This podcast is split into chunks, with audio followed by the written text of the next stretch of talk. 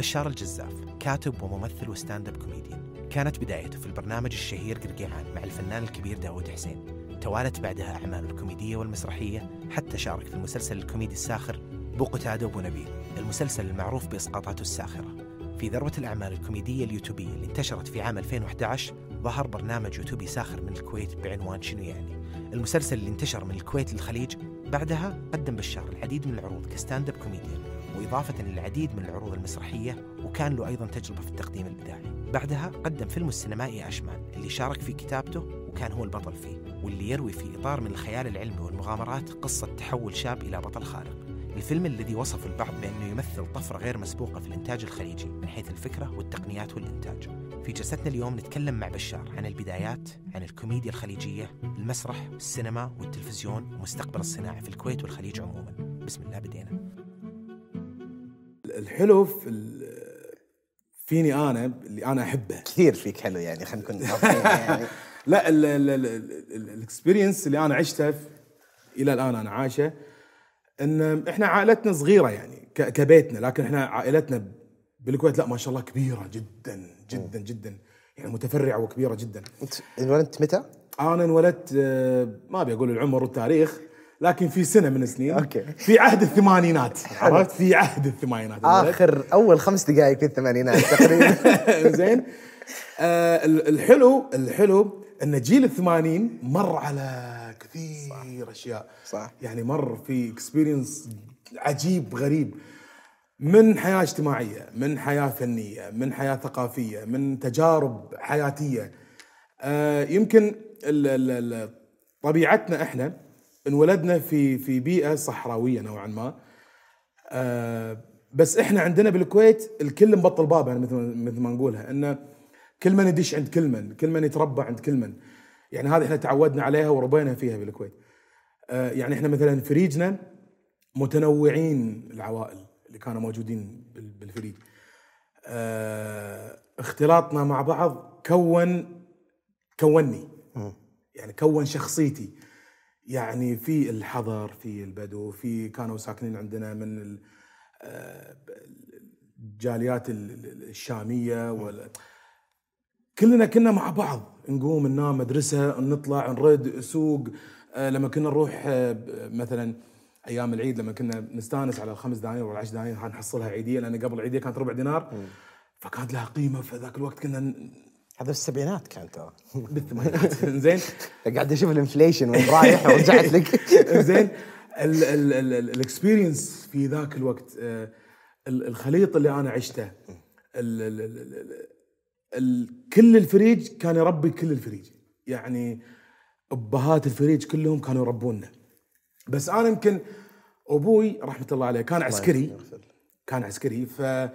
فشويه كان شديد لكن طيبة قلب هذا الإنسان أبوي رحمة الله عليه يعني هو اللي سوى بشار وهو اللي كون شخصية بشار وأبوي كان يحب الفن كان يحب الفن جدا يعني حتى بعض المرات آه لما كنا قاعد معاه لما كنا قاعد معاه في البيت أيام دراستي في المعهد كان يقول لي ها شنو سويت؟ شنو تبي تسوي؟ شنو قريت؟ وكان حريص على الدراسة جدا يعني ما كان معودنا على الرفاهية لما كان يعطيني فلوس كان يعودنا إنه لها قيمة ترى.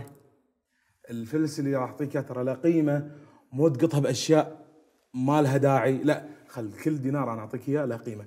ف وانت بالعمر تكبر تحس ان كلام ال- ال- ال- الأبو صحيح. بس أنت ما كنت شايف الصورة العودة. أنت كنت رايح في سن المراهقة سن المشاغبات سن هذا. أنا برجع على فريجنا. خل أقول ال ال ال ال الحياة اللي بفريجنا كانت أو ال- انت بتسمونها بالسعودية الحارة أو حياة الحارة أو حياتها كانت ممتعة طفولتي. فيها أشياء عجيبة غريبة. يعني آه، أيام لما كنا نلعب كرة قدام بيتنا وباب الجراج كان هو الجول وكان أبوي يرجع من الدوام كونه عسكري فكان يحب ينام ورا الغداء. أنا هذا كان وقت المباراة مالي. أكيد. فكنت أشوت الباب حيل بالكرة. فكان أبوي ينزل بكل هدوء يبطل الكره يشقها ويمشي. ومصروفك على كور جديدة. ومصروفي. كله كان على كور. آه ال- ال- الحلو في ال- في فريجنا إن كان خليط قلت لك كان خليط من كل العقليات. كل العقليات. جلستنا مع بعض دراستنا مع بعض آه، طلعاتنا مع بعض.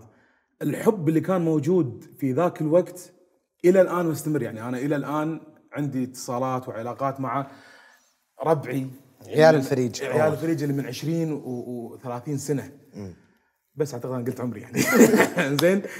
آه إلى الآن في عندنا يوم نتجمع فيه ويعتبر يوم بس كنا قاعد تجمع أرشيف. ونقعد نسولف ويوم يصير شوي ممل عرفت؟ يعني عرفت اللي نسولف بو ساعه بعدين نطالع بعض لأنكم عدتوا نفس السواليف اللي قبل نفس خلاص. السوالف فيصير ملل عرفت؟ فبنبدي كل واحد يسولف هو وين وصل شنو سوى وهذا إلى آخره. آه في ذاك الوقت كان عندي شغف وايد بالرسوم المتحركة. جدا كنت أحب الرسوم المتحركة. أهلي كانوا يدورون علي في البيت. أنا ويني؟ كان في تلفزيون عندنا بالملحق. أنا كنت هناك. متربع. متربع قاعد أطالع التلفزيون. أنا بالنسبة لي التلفزيون كان سحر. شنو هذا يطلع بالتلفزيون شلون كان في رسوم تتحرك بالتلفزيون شنو يعني فيلم؟ ولما كانت تطلع ال- ال- المذيعة تقول ال- ال- البرامج اللي راح تطلع في تلفزيون اليوم. أنا كنت أطلع تلفزيون الكويت. هي. فكنت أنطر المذيعة انه إيه هذا الفيلم أنا سامع عنه بس مو شايفه. كان عندنا مطعم. جدول يومك. جدول يومي كان على التلفزيون. آه أنا كان كان في عندنا المطاعم اللي بالكويت كانت تعطيك أفلام إذا شريت وجبة. حلو؟ كيف؟ إي سلاحف النينجا. إيه؟ مغرم كنت في سلاحف النينجا. كان في عندنا مطعم بيتزا. آه تشتري وجبة يعطيك فيلم سلاحف النينجا. الفيلم نفسه okay. فأنا الحين بجمع الأجزاء. فأنا يوميا أكل. أروح أطلب بيتزا عشان آخذ الجزء اللي بعده عشان آخذ الجزء اللي بعده. وما كنت آكل بيتزا. أنا سمنتي كانت على حلويات وخرابيط وشيبس وأشياء كذي. آه من هني أنا بدأ عندي إنه أنا أحب هذا العالم. جدا أحب هذا العالم. فبالمتوسط كنت أقلد المدرسين. وكانوا يطيحون علي المدرسين وكنت أعاقب على هذه الشغلة. آه ومن ثم بعدين خذوني المسرح المدرسي. أيام لما كان عندنا نشاط المسرح المدرسي أول دور خذيته سيارة تاكسي. السيارة نفسها؟ أنا كنت السيارة نفسها. أسهل دو... أسهل وأصعب دور. إي يعني لأن هي اللي تنصدم. دائما بالأفلام هي تنصدم أول شيء. آه أنا كنت سيارة التاكسي. والمشكلة إن أنا كنت أسوي الأصوات. إنه غن إيت ديد ديد. زين اخذ الدور اللي يسوق السيارة. لا أنا كنت السيارة. وكان واحد وهو اللي ماخذ الدور إنه هو اللي قاعد يسوق السيارة. فأنا كنت يمه أمشي كأني أنا السيارة. كنت أسوي كذي على أساس أنا قاعد أترك. ولا كنت أسوي شيء أنا قاعد قاعد أدوس سريع شي فمن هني بدأ عندي حب ال- التمثيل شغف التمثيل. ولا قاطعك هنا أنت هنا بدأ عندك الحب والشغف بس طبيعي جدا إنه شخصيتك هذه الكوميديه انرسمت من وأنت صغير. يعني أنت قلت لي إنه كنت في حي فيه ناس كثير مختلفين جدا. فلو كنت أنت بعد جزء من هذا الاختلاف صعب جدا إنك تنخرط مع المجتمع إلا بطريقة معينة إنك تقول راح اتلقى أتلقى القبول الاجتماعي إني أكون الولد الظريف. شوف آه ولا كنت يعني شوف إحنا عندنا إحنا عندنا خجول معاهم. أنا جدا أنا على فكرة أنا جدا خجول. لليوم. جدا لا تشوفني بشطانتي والانفجار اللي أنا فيه بس أنا جدا بس وأنت بطفولتك كان صعب معاك إنك إيه. تمثل تستهبل على الشباب تقط؟ اي آه، يعني لما كنت أقعد بروحي كنت أقلد بروحي. كنت أطالع المنظرة وأقلد بروحي. أوكي. كانت تسبب مشاكل. لما كنت مثلا أروح أقلد أحد على بالي أنا قاعد طنز عليه ولا أنا قاعد آه، أقلده بطريقة مو حلوة بس أنا كنت أقلده لأن أنا أحب character ه. فسببت لي وايد يعني تهاوشت وايد مضار- مضاربات وايد كنت أنطق وايد. يعني كنت انطق أنطق فأنا متين وسريع وبطيء حركة. إيه. فما كنت أقدر أدافع عن نفسي وايد. فوصلت مرحلة في قرارة نفسي أنا ما كنت أقدر أدافع عن نفسي فكان لساني هو اللي يدافع عني. لأنك بطيء بس سريع بديهة. إي. إيه، بطيء الجسم سريع البديهة. يعني كنت أطق وأذب ذبات وأقط قطات وبديت اتطنز يعني وهذا كان شيء خطأ مو سلاح اجتماعي هو بالأخير. إي مو شيء صحي. إي. كونك متين في عالم عربي خلاص انت خسران من البداية. مؤذي. جدا. مؤذي. يعني إذا انولدت في العالم العربي لازم تنولد موديل عشان يتقبلك المجتمع. من ناحية أهلك من ناحية المجتمع من ناحية محيطك. يعني قبل كانوا يقولون لنا كنا نلبسكم أحلى لبس. لما نطالع الصور قبل ما كان أحلى لبس. نهائيا ما كان أحلى لبس. يعني كانوا يلبسونك أبيض شيء لأن هم وخاطرهم يشوفونه عليك. وأنت ما كنت مرتاح نفسيا. فانت كنت تنطر الزواره تخلص عشان تبدل ملابسك. أو إن أنت تتعمد توسخ الملابس عشان تلبس شيء. مريح أكثر ما ي... ما يعور جنوبك. اي وأنا متين. الغريب. أنا متين واللبس كان وهو متضايق مني. يعني لبسي كان متضايق مني وأنا متضايق منه. إحنا اثنيناتنا مو مرتاحين حق بعض. يعني مغصوبين على هالزواج. إيه ما نبي أنا ما أبيك وأنت ما تبيني. فإحنا ليش مضطرين إن نعيش اللحظة عشان أمي تقول حق صديقاتها ولدي حبيبي ولدك حبيبك مو مرتاح. مو قادر يتنفس. مو قادر يتنفس. عرفت؟ ومن بعدها قمت أشوف مثلا بالأفلام شنو يلبسون؟ قمت أحاول أقلد لبس الأفلام الكشخة. يعني مثلا يوم من الأيام كنت أحاول أقلد كنت أحاول. أقلد. لا مو Matrix كنت أحاول أقلد لبس توم كروز في Top Gun. أوكي. الجاكيت الجلد والجينز والقميص وشي. حبيبي. وأنا متين. فشكلي ما كان توم كروز. لا أنا أنا لا ولا توم. صاروخ كروز يعني. كان كروز. كروز مثل. كان سفينة كروز. ف... ف... فما كان حلو اللبس علي بس أنا مقتنع في قرارة نفسي إن أنا جذاب. وأنا بس لا أنت كذاب مو جذاب. عرفت؟ لبسك كذاب وأنت مو حلو. عرفت؟ ومتين وعرق وايد. وأيام اللي لما أمك كانت تسوي لك الحلاق كان عنده قصتين. تبيهم أو أطلع. كان عندنا قصه اسمها تواليت وتدريج. بس وأنا مرت علي إن أمي حطت علي الطاسه وقصت القذله صرت كأني موروكو زين وأنا من نوع شعري wavy وشوية خشن إي. فالحمد لله أنا الحين خلاص خلص يعني أر- أرتاح. موس واحد ألف مع قفلي. مع إن قفلي كنا ياهل لابس بشت. بس خليك إنه ما تشوف باتمان. انزين آه ففي ذاك الوقت آه لبسنا بدأ يكون شخصيتي. يعني حتى ال video games لما كنت ألعب Street Fighter King of Fighters ألعب في غضب دفين كل الألعاب اللي تلعبها أنت fighting game في إي أنا الحين شلون أعوض اللي أنا ما أقدر أسويه برا؟ أعوضه إن أنا أقدر بال gaming وأنا صرت أحب ال gaming حيل. فكنت أنطر أروح عندنا مجمع بالكويت معروف اسمه الرحاب هذا يبيع gaming بس ألعاب. فكنت أنطر ال weekend وأخش مصروف المدرسة ما عشان- طبقت ولا شيء من نصائح الوالد. نهائيا. كور. لعب زين؟ والعاب فكنت اشتري أشتري ال Nintendo ال Sega so عشان بس ألعب ال gaming وأحس إن أنا قوي. فهذا كان. بعدين قلت لحظة. أنا أقدر أصير قوي. بديت إني أخلق شخصيتي. آه، أبوي كان وايد يحثنا على إنه تعال سولف معاي. خلينا نتبادل خلينا أسمع أنت شلون تفكر؟ أبي أسمعك أنت شلون تسولف. كان ياخذني معاه ال- ال- الدواوين. كنت قاعد مع ناس كبار. آه، كان يعلمني شلون تثمن الكلمة شلون تقول الكلمة. آه، صنع شخصية الرجل داخلي. آه، ال- ال- النقلة اللي صارت بحياتي خلينا نقول الدراسية الابتدائي يعني حتى أيام الابتدائي والمتوسط هني كانت بناء إن أنا بسوي الشيء اللي أنا أحبه وما راح التفت على المجتمع شنو شنو بيقول عني والأشياء اللي كنت تحبها كانت تمثيل الكرتون التمثيل. الكوميديا والكم يعني كان عندك هذا التصور إنه أنا حاب هالشيء بس عندك طبعا فرص بما إنك في الكويت في معاهد. وظيفة ممثل جداً. كانت شيء يعني جدا موجود؟ ومرموق آه كنت أحضر مسرحيات كنت أطالع آه كنت معجب بالممثلين كنت معجب بالمسلسلات اللي قبل. آه كنت لما أشوف مكان يصورون كنت أوقف. كنت أنبهر كاميرا ممثلين. هذا نفس اللي أشوفه بالتلفزيون. كان إحساس غريب شوية آه حبيت أكثر لما أبوي بدأ يدفعني حق الشغف اللي أنا أحبه. يا- أحيانا أنت تحتاج ال support. الدعم اللي يجيك من من الدعم. الشخص اللي تحتاج الدعم اي منه. يعني أنا كنت أنا وايد أحب أبوي وايد متأثر بشخصيته. آه ك ك كأب كأخ كمعلم. مع إنه عسكري وشديد. آه يعني لما كان أبوي صارخ في البيت أنت تشوف الطوفة تسكت الطوفة جي هدوء كان يصير. آه ترتيبي بين إخواني بنى شخصيتي أكثر. أنا الرابع بين إخواني. يعني عندي نايف طارق إسراء وأخوي الصغير اسمه علي أبوي خلانا كل واحد فينا شخصية مختلفة عن الأخرى. اعطاه الفرصة إنه يكون نفسه أكثر يعني.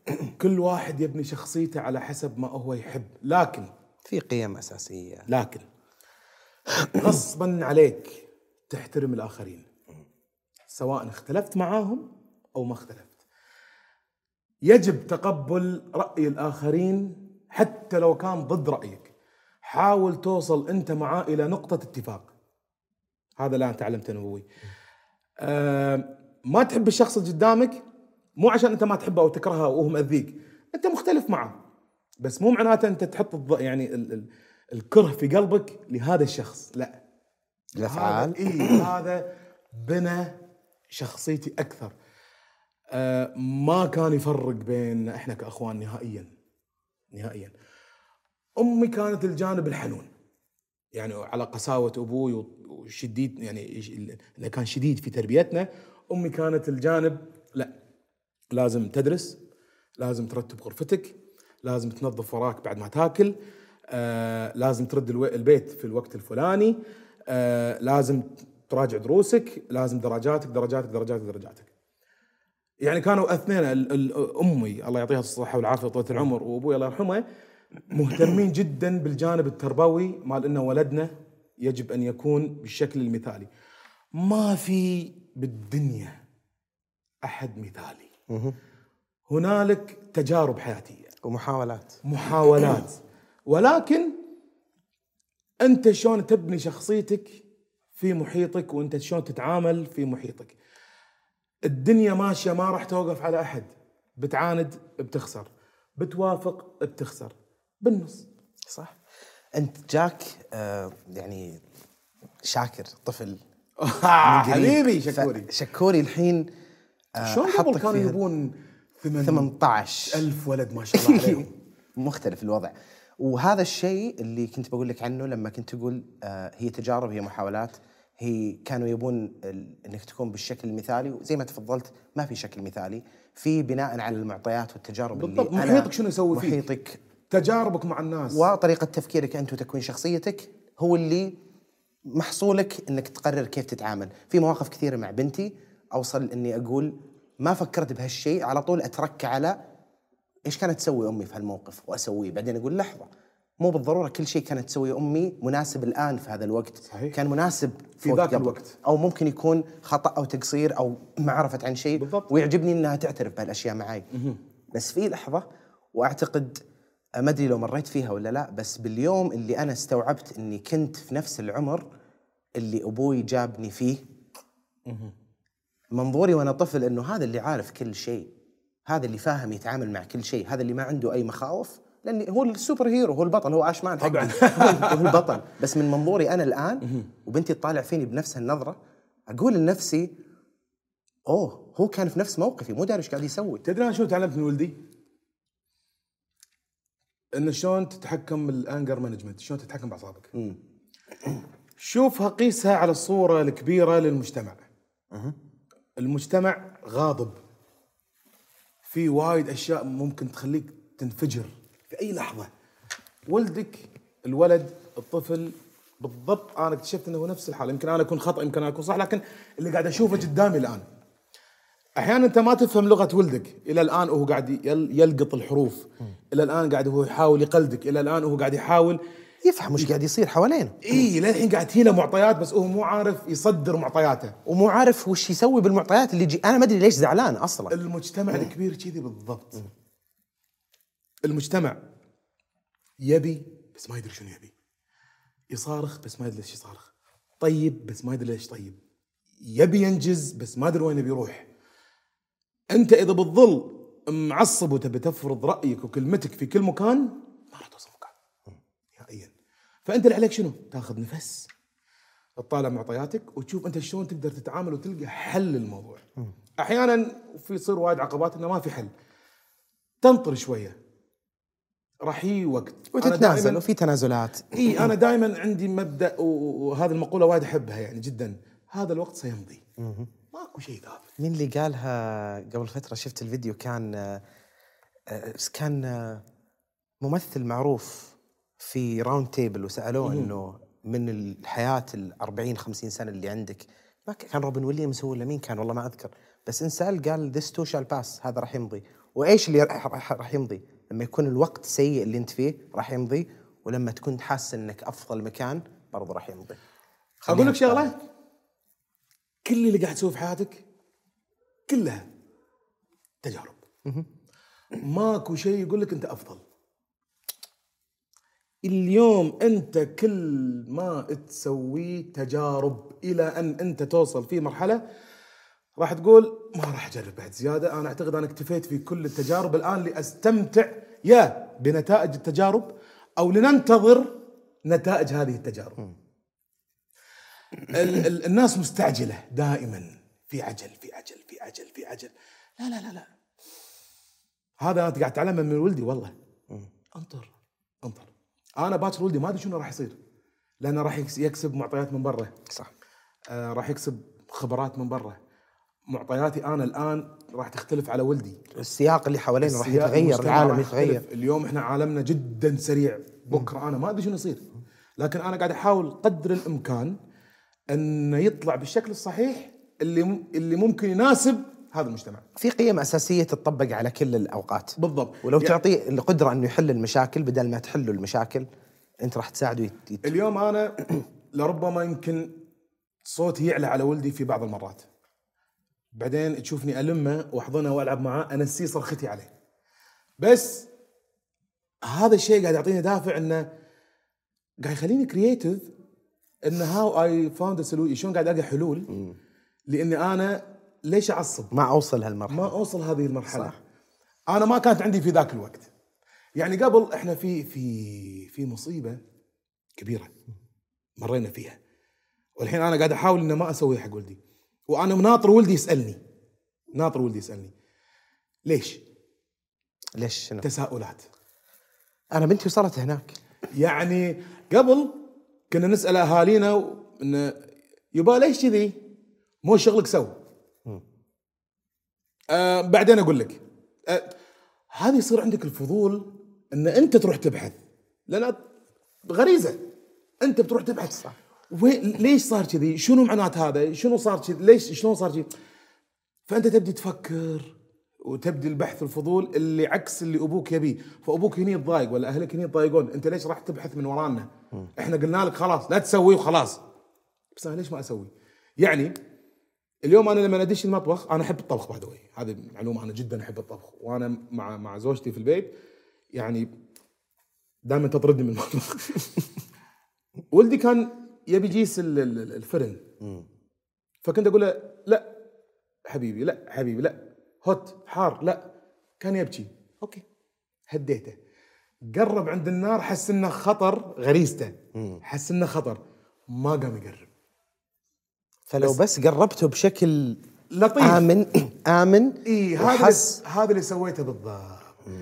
الحين هو ما راح يفهم إن هذا حار ولا إن هذا سيء ولا إن هذا غلط بالنسبة له أو إن هذا راح يأذيه. ما راح يفهم إلى أن وهو يجرب. إحنا أنا وياك ما كان عندنا النقطه هذه. يمكن أنا وياك نفس الجيل. ما عندنا النقطه هذه. تكلم عن نفسك. أوكي. زين ما كانت عندنا النقطه هذه لأن إحنا كنا نسأل وايد. يعني حتى لما مثلا كنت أطالع ال- المسلسلات والأفلام وبدأ الشغف والحب هناك كنت أسأل شلون يصورون؟ شلون؟ وين يبيعون كاميرا؟ أبي أشتري كاميرا. أبي أصور. ابي ابي أبي هذا خلاني أقلد حركة الممثل أقلد صوت الممثل. حبيت الكرتون وايد أنا وايد متأثر بالكرتون. جدا. آه التمثيل صار جزء كبير من حياتي والتمثيل أنقذني. من وايد. من أي ناحية؟ التعامل مع الناس. أنا ما أكذب عليك بس أنا مضطر إن عشان أنا أكسبك وما أبي أزعلك ولا أنت تزعل مني أسوي لك اللي تبيه طريقتي بطريقتي. فراح أضطرني أنا أمثل عليك. بعدين راح يقول لك ترى أنا سويت هذا الفعل عشان كذي. لما نوصل لنقطة إن أنا وياك متفقين فيها. فما هو كذب بقدر ما هو محاباة لما أوصل لنقطة بيني وبينك. عشان ما يكون في أي نوع من الشرار ولا الاحتكاك. فهذا الشيء خلاني إن أنا لازم ما أبي حياتي تكون كلها تمثيل في تمثيل لا. فصار عندي شوية الصدق. يعني أنا بيني وبين نفسي أنا وايد صادق مع نفسي. يعني أنا وايد صريح مع نفسي. إذا ما حبيت شيء أقول لك أنا ما أحبه ما راح أسوي. إذا حبيته راح أقول لك إيه راح أسوي معك. حتى لو مو كل الناس عجبهم أنا حابه. أنا راح أسوي لذاتي. أنا أبي أسوي هذا عندي. أهدافي الشخصية لهالشيء. عندي إيه وما أبي أضرك. يعني أنا جدا حريص. لا قصدك لما تشتغل مع أحد على مشروع تقصد؟ جدا اي يعني وفي وايد تنازلات. مو تنازلات انه آه، علي لا. أبي الشغل يمشي. وأنا أدري وين رايحه النتيجة. حتى لو تطلع النتيجة بالمنتصف ما تطلع كاملة أنا راضي. ليش؟ شغفي ما بيوقف. شغفي ما راح أوصل مكان راح اغايب شغفي كله. بس لابد تتنازل لما توصل. لين مو تتنازل إنه قيمتك وكرامتك. لا لا لا لا لا. هي لازم ت- يعني لازم تفهم انه مو كل الناس راح يرضون باللي أنت تسويه أو اللي أنت تبيه. فأنت ما عندك ال power صح. القوة الكاملة إنك تسيطر. فأوكي أنا راح أتعاون معاك. أنا أسميها تعاون. أنا راح أسوي اللي أنت تبيه. بس خلينا نحط في جزئية أنا أحبها. بطريقة ما أقنعك. بطريقة بطريقة ما أقنعتني. فلقينا نقطة التقاء. فنسوي هذا الشغف. وما هو الكامل اللي تبيه؟ جزء منه بس هذا جزء من الصبر والذكاء في اختيار الخطوات الجاية. النادي العربي علمني الصبر. كيف؟ 20 سنة ناطرين الدوري وخذيناه 20 سنة. زين ف ف ال- ال- ال- الحلو في الموضوع اليوم يمكن أنا إلى الآن ما حققت كل أحلامي. ترى أنا احلامي ما تخلص. بس شغفي ما له ما له حدود ما له حدود. طب وش حلمك؟ لو تسمح لي أسألك السؤال. الحياة المثالية لك إيش؟ لأني دائما أفكر بهالشيء. طبيعية. كيف طبيعية؟ نكون ناس طبيعيين. لا لا لا حياتك المثالية الشخصية أنت وين؟ يعني عندك أكثر من شغف. تحب في أشياء قاعد تسويها ترضيك ابداعيا وماديا واجتماعيا ومن أكثر من ناحية. بس في أشياء كثيرة تسويها أنت بالطريق تقول بسويها عشان الخمسة بالمية اللي راح تصير عشرة بعدين وأبني بالضبط. لنفسي القوة وال بالضبط. والنفوذ إني الناس تقول لي لا لا مو ما ما تقنعهم أنت تغير شيء، أنت وصلت مرحلة إنه صوتك هو اللي يطغى، وهذا الشيء برضو بتكلم معك فيه باشمان، أنت كتبت في الفيلم ومثلت فيه، في أشياء شفتها بالفيلم مثل مشهد السجن وأنت تغني وأنت تمول. هذه ما تكتب لأحد ثاني، أنا أعرفك وأنا أعرف هذه هذا ستايل بشار إنه كيف يضحك. من جزء من أشياء كثيرة شفتها في الفيلم، فأفهم قصدك إنك تقول عندي عضلة جديدة أبي أمرنها قدام الناس عشان يبين. بس بالأخير وين رايح؟ اليوم حياتك المثالية في مهنتك مثلا. آه، اليوم أنا أبي صناعة. صناعة سينما حقيقية. اليوم أنا أبي صناعة فن حقيقي. إيش حقيقي؟ يعني- لأنه يختلف من شخص لآخر. اي يعني آه كفاية تجارب. لنذهب إلى الحقيقي خلاص أنت اليوم مثل الطب تدرس ثمان سنين ثم تكون بالفيلد خمس سنين إلى أن تجي لك عملية جراحية تضطر أنك تتدخل فيها. فهذا الكيس الحقيقي. يا يعني أنك تنقذ يا أن أنت تتراجع وتخاف. أنا ما أخاف. أنا دائما تجا ما ما, ما- ما أحب أقول ما يصير. ما ما أحب أقول ما كل شيء يصير. اللي يقول ما يصير هذا ضعيف. أنت اللي تخلق أنت اللي تبني أنت اللي تعيش. فما في شيء بالدنيا ما يصير. هي مكونات. تجرب تجرب تجرب تجرب تجرب تجرب تجرب لين تجيك طبخة. ولا حتى بعد تختار من أشياء اشتغلت شكرا. قبل اشتغل. آه تدرس تدرس تدرس تدرس إلى أن تجيك الخبره تعمل تعمل تعمل تعمل إلى أن تفهم. إحنا الآن في يعني خلينا نقول بقعتنا الخليجية بدأنا بصناعة السينما ولو بشكل بسيط. ما بقول لك إن إحنا سوينا اشمان يعني في تجارب سابقة في أفلام قصيرة لمهرجانات قصيرة شاركوا فيها وايد ناس وأفلامهم رائعة يعني في مخرجين جميلين جدا بالكويت والسعودية ومن كل مكان يعني من, من كل دول الخليج. لكن اليوم أنا كبشار خلاص أبي صناعة السينما. أبي ال- أبي أسوي شيء نفس Vikings أبي أسوي شيء نفس Peaky Blinders إحنا مو قليلين فكر وثقافة عنهم. إحنا لدينا المحتوى. ولكن أين المؤمن بهذا المحتوى؟ إحنا اليوم أدوات محتاجين دعم.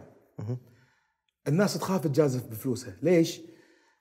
آه العملية الإنتاجية عندنا مخيفة شوية. يقول لك أنا بقط المبلغ الفلاني شنو بيجيب لي مردود الناس تعودت عينها على أشياء بسيطة نفس اللي قاعد نشوفها والمعتادة في الموسم اللي هو يكون رمضان. إيه.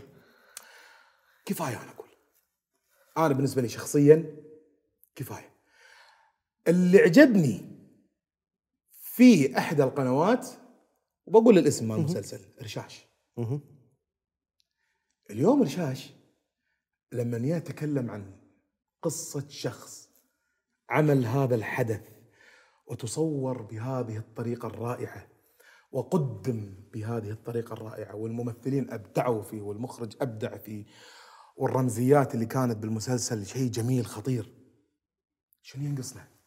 عندنا قصص وتراث مليان لكن إحنا نخاف نتكلم إحنا عندنا لوايد حسابات لوايد أشياء background نخاف نقول كذي ونخاف نقول كذي فخلنا نلعب على السهل. على ال safe. على ال safe side إنزين اليوم إحنا لما نشوف هوليوود عالم عجيب.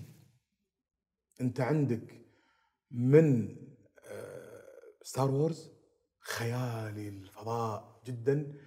إلى تشوف قصة حقيقية نفس Pursuit of Happyness أو Happyness هذا مال ويل سميث خذينا حياة شخص مناضل دراما والفيلم عظيم.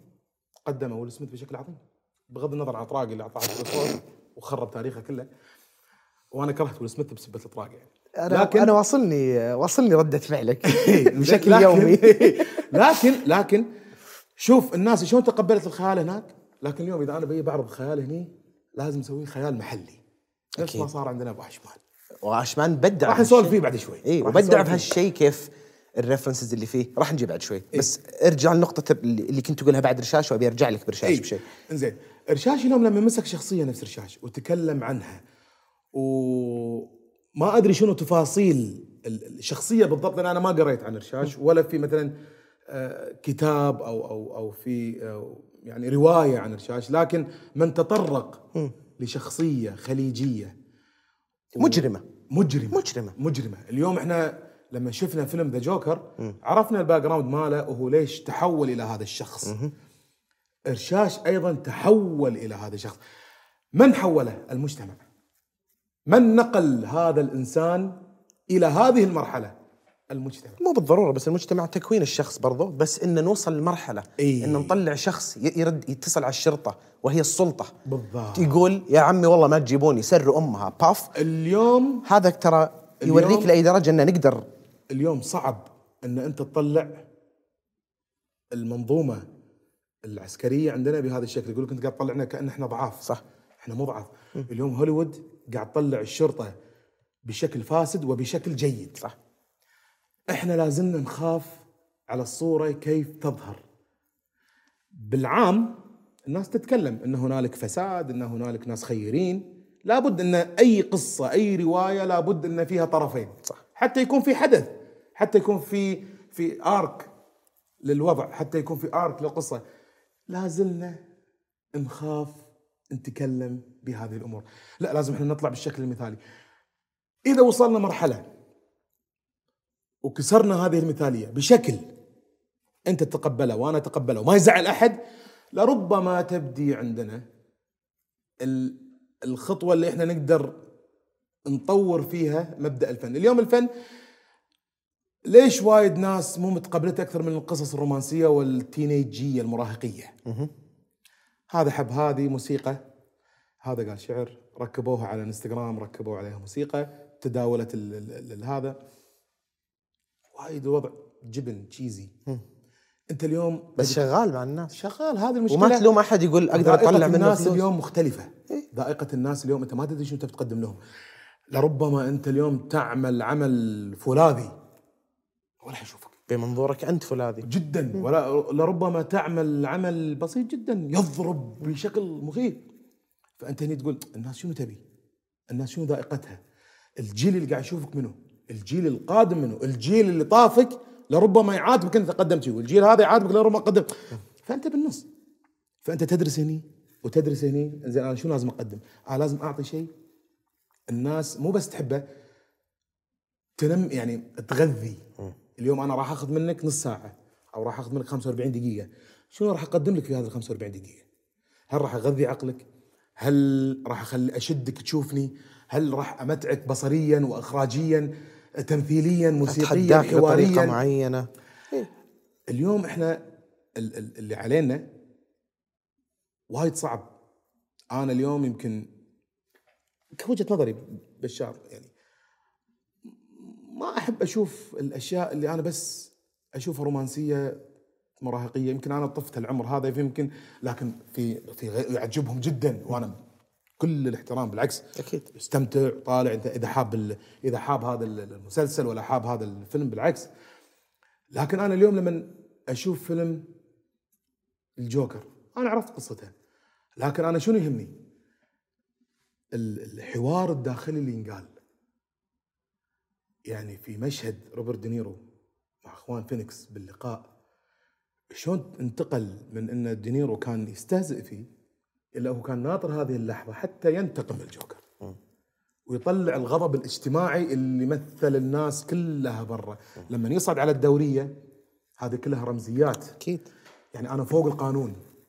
والناس تشجعه مع أنه هو ضد هذه الفوضى.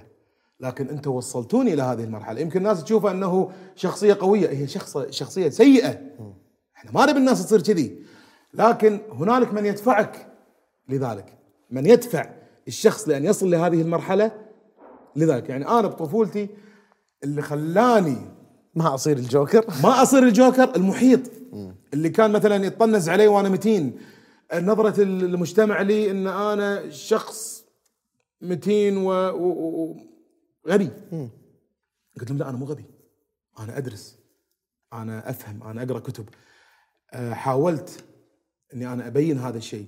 عشان انخرط معاهم كمجتمع. هذه كلها أشياء تبنيك تبنيك وتنمي عندك بعض الأمور. إلى أن وصلت مرحلة الآن في تصالح. في تصالح مع نفسي كبير جدا. ومع اللي حولك بعد. جدا. يعني مع العمر تحس انه في أشياء تسوى إنك تركز فيها في أشياء إنك تنبسط فيها في أشياء ما لها داعي. وبعد تفهم دوافع الناس ومن تفهم. دوافع الناس عندك. تفهم هذا ليش معصب وهذا ليش زعلان وهذا ليش فرحان. بس انت متصالح مع نفسك. كأنك آه، levelت في ال video game عارف لما ال- ال- اللي ال boss اللي تموت عنده 600 مرة؟ لما أيوة. ترجع new game plus آخر عن وجهي. الأشياء اللي كانت تخليك تنهار تسويها سبع مرات في تدري أنا يوم شنو أحب ال gaming؟ لما أنت كل ساعة تتطور وتبدل اللبس مال ال main character تشتري له درع سيف آه، helmet آه، شوي شوي تشوف إنه قاعد تطور معاك الشخصية وقاعد تطور قوة هذه الشخصية لين تكون شخصية. خلاص شخصية. يعني أنا أحب Assassin's Creed Creed أحب هذه اللعبة. God of War أعشق هذه اللعبة. لعبت Elden Ring على فكرة؟ آه، الحين واصل نص. وصلت نص Elden اي Ring واصل نص. للحين ما كملتها للامانه لما يكون عندك ولد ما راح تكمل. مثلك، يمكن في بدايتها يعني يعني. انطره ينام عشان أروح ألعب عرفت؟ إي. ف ال ال ال ال- الشغف كل ماله قاعد يكبر عندي مع العمر. يعني لما تشوف عمرك يركض أنا أبي أسوي بعد؟ ابي أبي أبي أنجز بعد. محبطين كثير. ما طالع. أنا طالع وين رايح؟ وما عندي وقت ما عندي وقت. أقول لك خلاص. بس أنا عندي هدف لازم أروح له. ومو هذا الهدف لأن في بعد ثلاثة وراه غير الثلاثة في بعد تسعة وراه عرفت؟ بس هي كأنك قاعد تلعب ماريو. لازم تنتقل من مرحلة لمرحله لين توصل الاميره وإن شاء الله مرتي ما تقول إن أنا قاعد طالع الاميره بس هي مو أميرة هو هدف. حبيبتي ترى هدف. عرفت هي مو أميرة. أنا أخذت الأميرة أول مرحلة. مشي إي خلاص عرفت؟ هي مو أميرة يعني. أنت أخذت الأميرة خلاص. إي راح أشوف السلحف العود بعدين. زين يعني أنت راح توصل للسلحف العود. صح. آه، الوحش الأخير. الوحش الأخير. فاليوم يعني الشغف موجود. حب العمل موجود. ال ال ال ال دور التاكسي اللي خذيته بالمتوسط ظل معاي إلى الآن. فأربطني من هنا. عفوا تفضل. لاني هذا اللي كنت أبيك تروح لي من من دخولك للجامعة. خلصت الثانوي. بالثانوية بوقف شوية بقول لك شيء عن الثانوية. إحنا أنا كنت أدرس في ثانوية النصر بالصباحية. كان عندنا الله يذكره ناظر المدرسة آه إذا موجود يعطيه الصحة والعافية وله طولة العمر إن شاء الله. آه أبو غانم. هذا الناظر كان عجيب.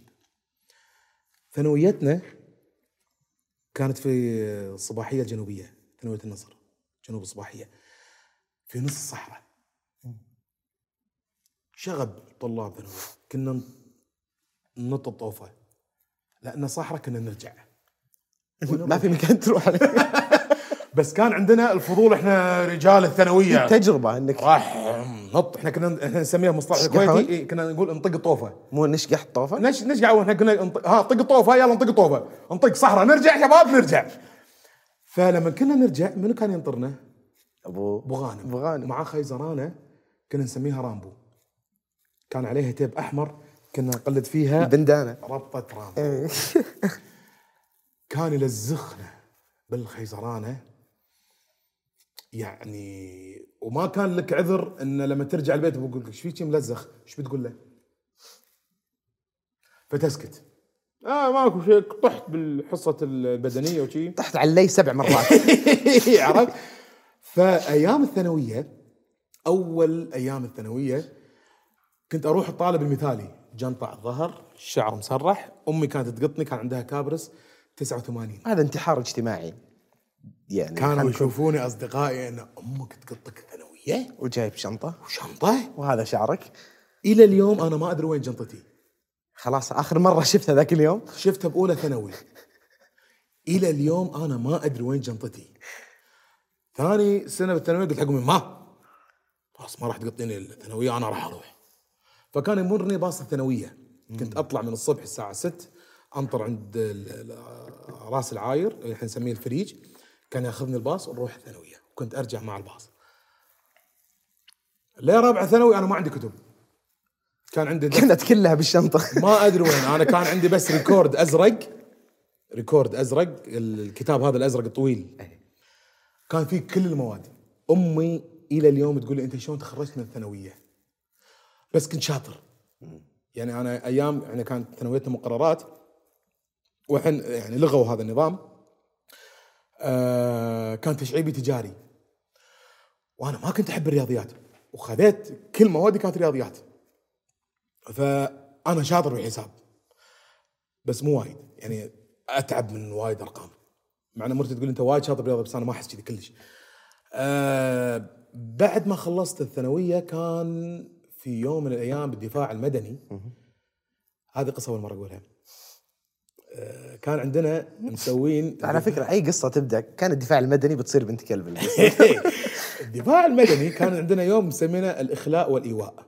كان تمرين للدفاع المدني إذا صارت حريجة أو صارت في مصيبة بالثانوية شلون يتم الإخلاء والإيواء في هذه الثانوية؟ فياني ناظر المدرسة كان يقول بشار أنت تحب التمثيل صح؟ كان يقول له إيه. كان يقول لي زين راح أعطيك على كل در... على كل مادة. خمس درجات. عرفنا كيف نجحت. إيه. إيه. إيه. إذا سويت شيء معين أنا أبي منك. وهذا بعد اوديشن التاكسي صح؟ فقالوا بالضبط. هذا ثاني دور في حياتي. بيصير فاير تراك كان يقول لي راح تاخذ دور أم تركض بولدها بالمدرسة. ليش امي دخلت؟ ما أدري. كان اطالعه سيناريو أم؟ كان يقول لي إيه راح تكون أم لابسة نقاب وعباية. وشايله ولد والولد كهوة. عندي عند عندي صديق الله يذكره بالخير اسمه ناصر. قهوه شنو قهوه؟ كهوة يعني يبي اي قهوه اي عندي صديق اسمه ناصر. ناصر كان قصير جدا. شكله كأنه كأنه ولد متوسط يعني صغير. كان يقول راح تشيله وترك كان طالع ناصر. كان ناصر يقول فيها خمس درجات. حق كل مادة. بشار شيل. تسوى مذلة. الحين الحلو وين؟ يو سووا الإخلاء والإيواء. تصوير. آه صار كان production أنا كنت بسألك ليش المدير دخل؟ لا هم هم كانوا للدفاع المدني. كان تصوير إن الدفاع المدني يقدر يخلي هذه المدرسة في وقت قياسي إلى آخره. أنت دخلك بروباغندا يا أخوي. جدا. إيه. الحين كل طلبة الثانوية اطلعوا. وهو كان تمرين صباحي يعني كان تقريبا على الساعة 10 يعني دوامنا إحنا الساعة 2 الظهر. كل الطلبة طلعوا. خلصوا خلال ساعة. ما حد رد. الثانوية فضت. ما في طلبة. الناظر وقف برا يا جماعة وين الطلبة؟ ولا. الطلبة كانوا ناطرين اللحظه اللي هم يطلعون فيها ما يردون. ثاني يوم انتشروا في الصحراء. انتشروا في الصحراء. ما أدري وين راحوا والله العظيم ما أدري وين راحوا. الثانوية فضت. ظليت أنا مع ناصر شايله. The show must go on. يعني الدفاع المدني مشوا.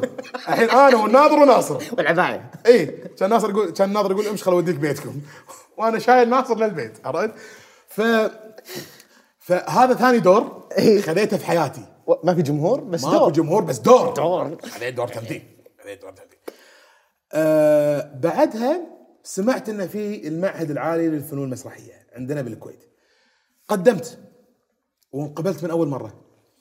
درست في المعهد آه، ويعني خذينا جميع أنواع التمثيل. خذينا آه، عندنا مواد اللي هي الارتجال آه، مادة اسمها الإنتاج اللي هي مادة الإنتاج هي أنت تجرب فيها كل شيء تحت الإنتاج؟ تحت الإنتاج. مثل إيش يعني؟ تمثيل ديكور مساعد مخرج إضاءة صوت آه، هندسة صوت أزياء آه، فني آه، فنية تنكر كل شيء كل شيء كل شيء. هاي يسمونها مادة إنتاج. فاشتركت فيها. وطوال الأربع سنين أنت كنا قاعد ندرس تمثيل تعبير حركي تربية موسيقية غنى. ارتجال آه، ت- آه، حركة مسرحية آه، إخراج مسرحي يعني وش أكثر شيء شدك بينهم اللي قلت هذا راح اتخصص فيه؟ التمثيل طبعا التمثيل والارتجال والارتجال وهذا اللي أخذك للكوميدي بعدين إي. وكان عندنا مواد نظرية في علوم المسرح يعني تاريخ المسرح الدراما آه، كثير المسرح. الإغريقي شكسبير كله يعني. كل يعني درسنا شكسبير وتشيخوف وكل هؤلاء الناس والمدارس المسرحية والمسرح الإيطالي والمسرح الإغريقي ومسرح القبة والمسرح الأسود ومن وين بدت من الكنيسة و- وشلون تطورت من أيام ال- ال- المعابد وشلون كان يمثل بال- بالحضارة الرومانية إلى أن وصل إلى التمثيل في الساحات إلى أن وصل إلى الكنيسة إلى إلى إلى وبعدين خذوه رجال الدين والى يعني إلى آخره. يعني تاريخها ال- ال- الحضاري. كد كامل كامل خذيناه في المعهد. آه، آه، ف وشلون انشئ المسرح؟ من وين انشئ المسرح؟ فكل هالأمور هذه شدتني وايد.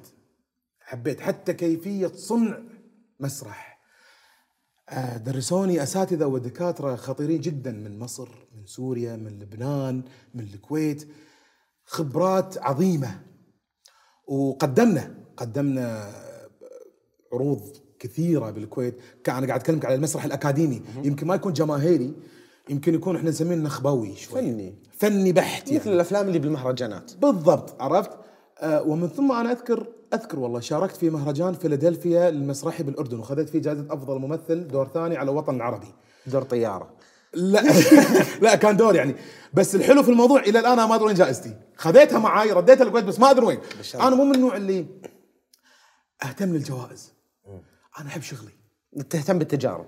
أهتم بالتجارب. أحب أجرب. أحب أصنع جديد. أحب إني أخلق شيء جديد. أحب أجرب الشيء الجديد ما أحب أوقف. إذا قعدت في البيت أمرض. لازم أشتغل. لا يعني ما أعرف أهدى. لازم أكتب. لازم يعني حتى بال- بالمعهد كان عندنا بعض المح- مح- المحاضرات يعلمونا شلون نكتب سيناريوهات.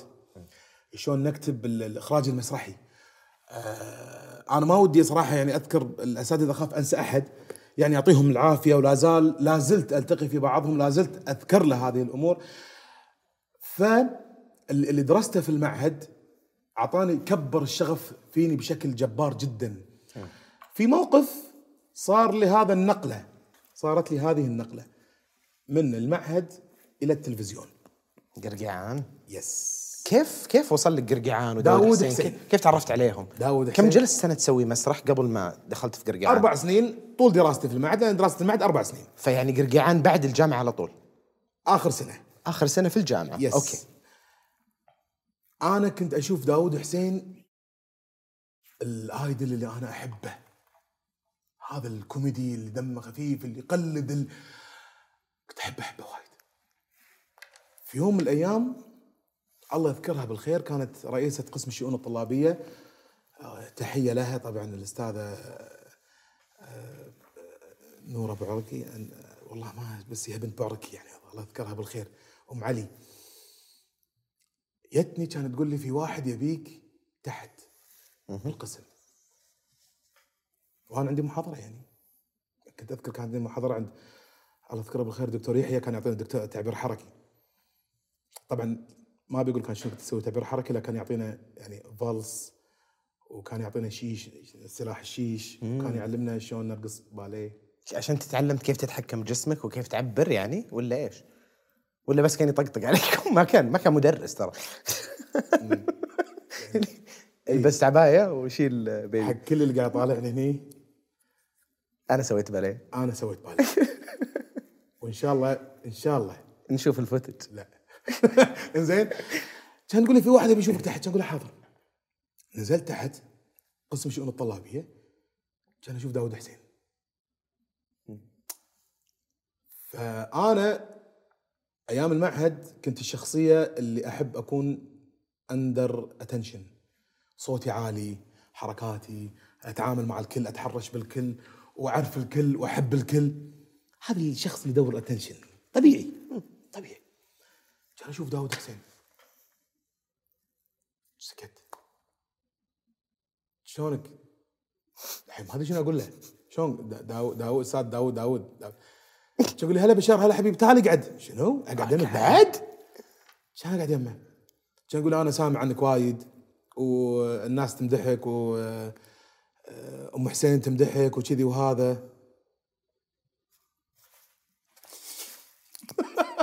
okay okay عرق قاعد أعرق صدق قاعد أعرق صدق. داود حسين قدامي. شو أقول ابيك معاي؟ سكت.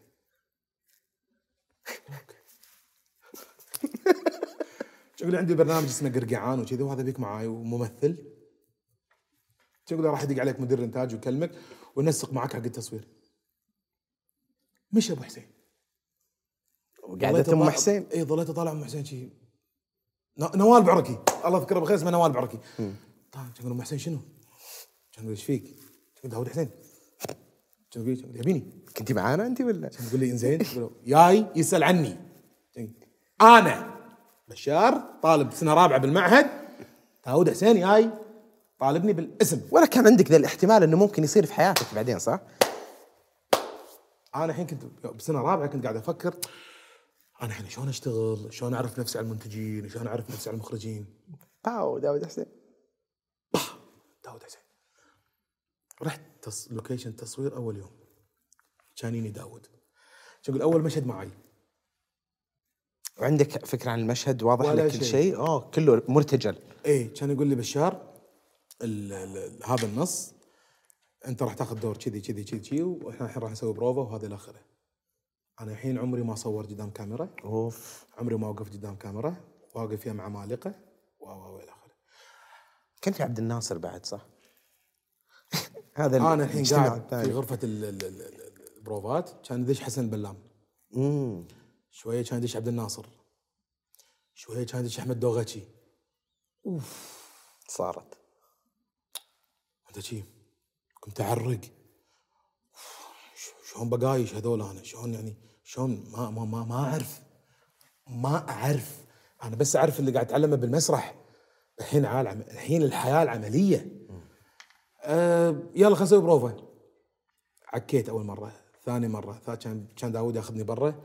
يقول اهدى قال لي كلمة إلى اليوم. ترن في راسي كان يقول بشار أي شيء راح تسويه اليوم راح يكون لك تاريخ باقي حياتك. اللي راح تسويه اليوم راح يبني لك طريقك باكر.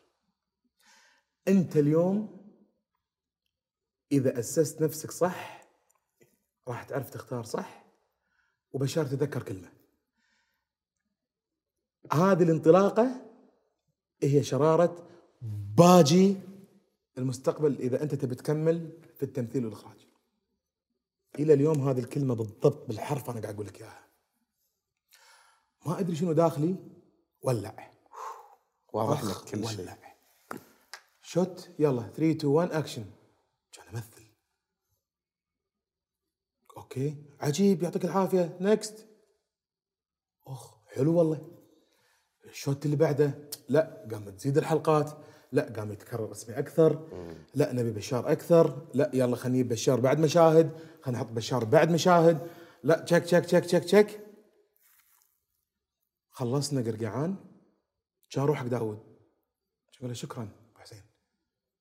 شكرا على الفرصه أنا ما راح أنسى اللي سويته معاي ولا راح أنسى كلامك. من بعد داود حسين قرقعان ولا يمكن لربما وجهي حفظ من ذاك اليوم. ولا عرفت كيف داود حسين وصل لك؟ عن طريق مين في الجامعة؟ إلى اليوم لا. إلى اليوم ما تدري. لا. ولا سألته. مع أن اليوم علاقتي في داود حسين خطيرة. قوية جدا. أنت جداً. الحين معاه بال- أروح للبيت أتغدى عنده. آه، أسافر معاه. إذا عنده شغل يا- كذي يعني. وداود له وقفات آه، وعلى فكرة في وايد ناس ما يعرفونه. داود عنده جانب إنساني هو ما يحب يظهره لكن أنا بقوله. مخيف. داود حسين مسوي شيء للناس. الناس ما تدري عنه. مساعد. هذا بينه وب- طبعا هو دائما يعني يقول أنا ما أحب أظهر هذا الشيء لكن أنا أطيح عليه. مساعد ناس من تحت لتحت والناس ما تدري. داود حسين. عموما يعني هذا كله ميزان أعمالك يا أبو حسين. عشان كذي الله يوفقك وحاط محبة الناس فيك. أه بعد قرقعان. بعد قرقعان ياني تلفون من نواف الشمري. المخرج نواف الشمري اللي هو أخرج قطعة 13 و- و- و- ومع عزيز مسلم سينمائيات و إلى آخره. كان يقول تعال نبيك بمسلسل remote control مع عبد الناصر درويش. okay. تمام. عبد الناصر مدرسة أخرى. أنت قاعد تتكلم على 2007 2008 2009 دشيت مع عبد الناصر. سوينا remote control آه، استمتعنا مع عبد الناصر. خلصنا. كان يرفع علي التلفون شخص أنا كنت أتمنى ان أنا أشتغل معاه نزار القندي. كان ندش في فنون. صح. كان نسوي فنون. الفلاشات الصغيرة والأشياء هذه. نزار القندي من المخرجين والفنانين. أنا بقول شوية اللي اللي يحب عمله ب يعني بشكل عظيم. ويحب يطلع النكتة مالته بشكل عظيم. بشكل محدد. جدا. تعلمت من الدوغتشي أشياء كثيرة ومن داود أكثر. تعلمت من آه، نواف الشمري أشياء كثيرة. نزار القندي بالتحديد علمني شلون أقول نكتة بصرية. علمني شلون إن أنت مو شرط إن أنت تكون تضحك قدام الكاميرا لفظيا عشان تضحك. اللي هو المسرح. يس. نزار. إحنا عندنا مشكلة في وطننا العربي. نحن مسرحيون حتى أمام الكاميرا. يعني إحنا نحب الكوميديا اللفظية أكثر ما تكون كوميديا صورية حركية فعلية. الكادر الكاميرا هي اللي تضحكك. الفعل الحدث هو يضحكك. أنا ضد الاستهزاء بأشكال الآخرين. ضد. التقليل من قيمة الآخرين. ضد آه إني أنا اهزئ دينك ولا مذهبك ولا أصلك ولا فصلك. لا. إذا كانت هنالك نكتة يجب أن تكتب بشكل كوميدي جميل الكل يتقبلها بدون أذى. فال insult كوميدي يضايقك يعني؟ شوية. أحيانا أستانس. مم. خاصة لما يكون كل أحد متراضي عليه والهدف مثل نكتة. ال roast مثل ال roast إيه. مثلا إيه. عادي نقعد نجيب واحد ويتقطع يتشرشح لأن إيه، متفقين. متف... إحنا متفقين كلنا إن اليوم هذا راح ينصلخ. فالإبداع كيف إنه نصلخ بطريقة مختلفة. بس صح في المسرحيات كانت موجودة كثير. بالضبط. تقليل النجم الصغير اللي معاه. بالضبط بالضبط. فاليوم إحنا عندنا ال ال معظم الكوميديا اللي قاعد نشوفها الآن لفظية وطويلة. إيقاعها بطيء. آه مستهلكة إلى حد ما. مستهلكة. مستهلكة. اليوم جيلنا سريع. نزار علمني هذه. نزار علمني شلون آه تنقال النكته بصرية. علمني شلون أكتب السيناريو. صح. آه اشتغلت مع المخرج يعرب برحمة. يمكن هو معروف عنه مخرج video clips في بعض البرامج. يعرب برحمة علمني شلون أكتب سيناريو. من بداية إلى النص إلى ال punchline تعلمت منه وايد. آه، يعرب برحمه مخرج عجيب يعني. آه، ومن ثم انتقلنا إلى المخرج فيصل إبراهيم في ابو قتاده أبو نبيل.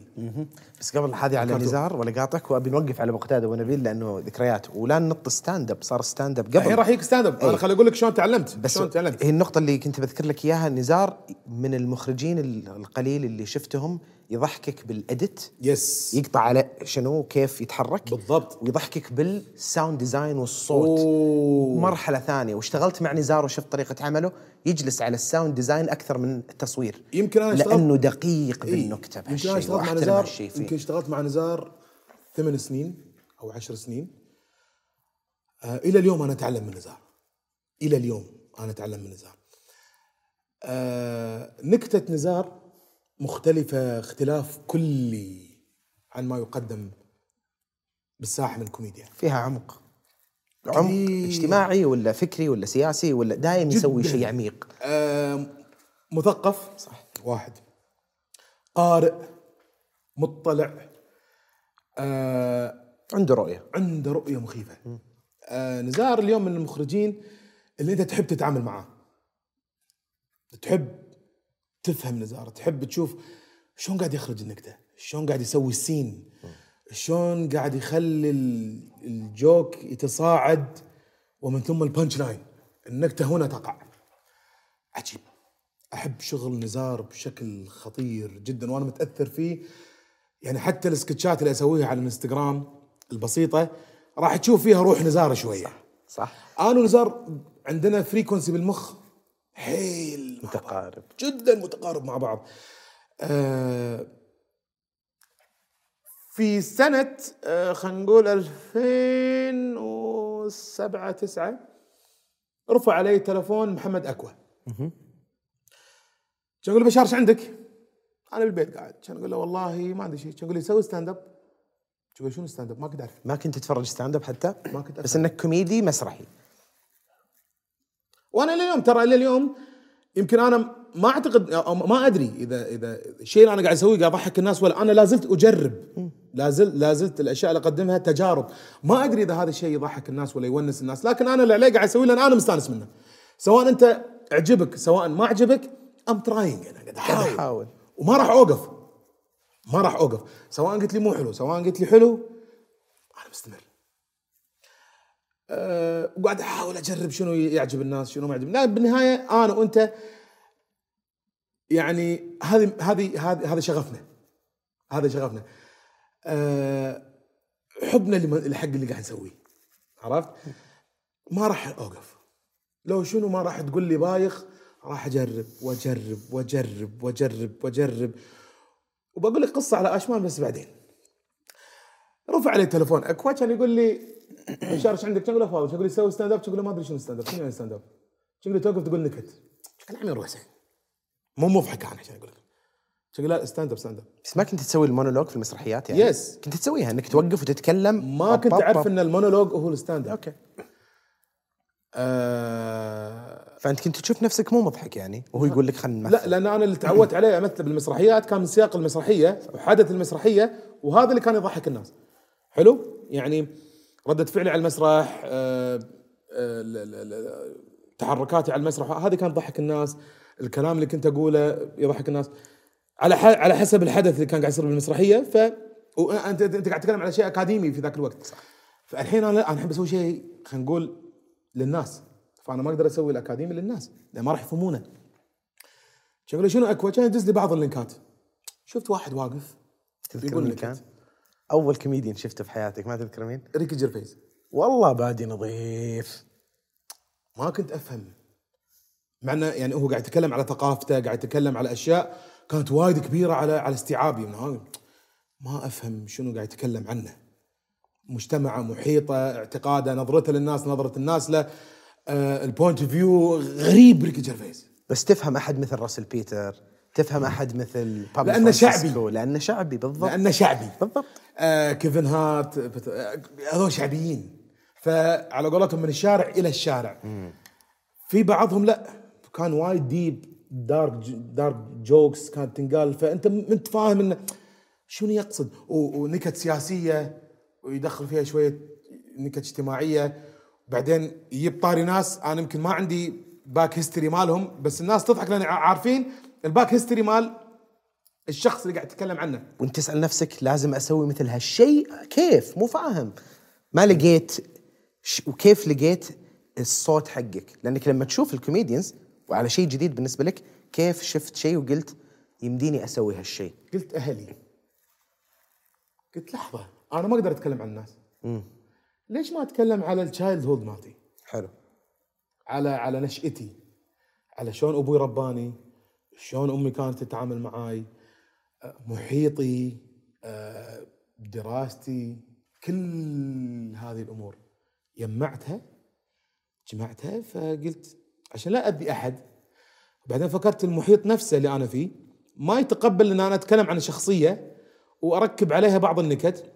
مو بشكل سيء لكن الحدث مالها بهذا الشكل الفعل مالها اللي صار أنا يم- يمكن أطلعه من منظوري بشكل يجيب النكتة مو مضحك أنا مو قاعد أضحك عليك.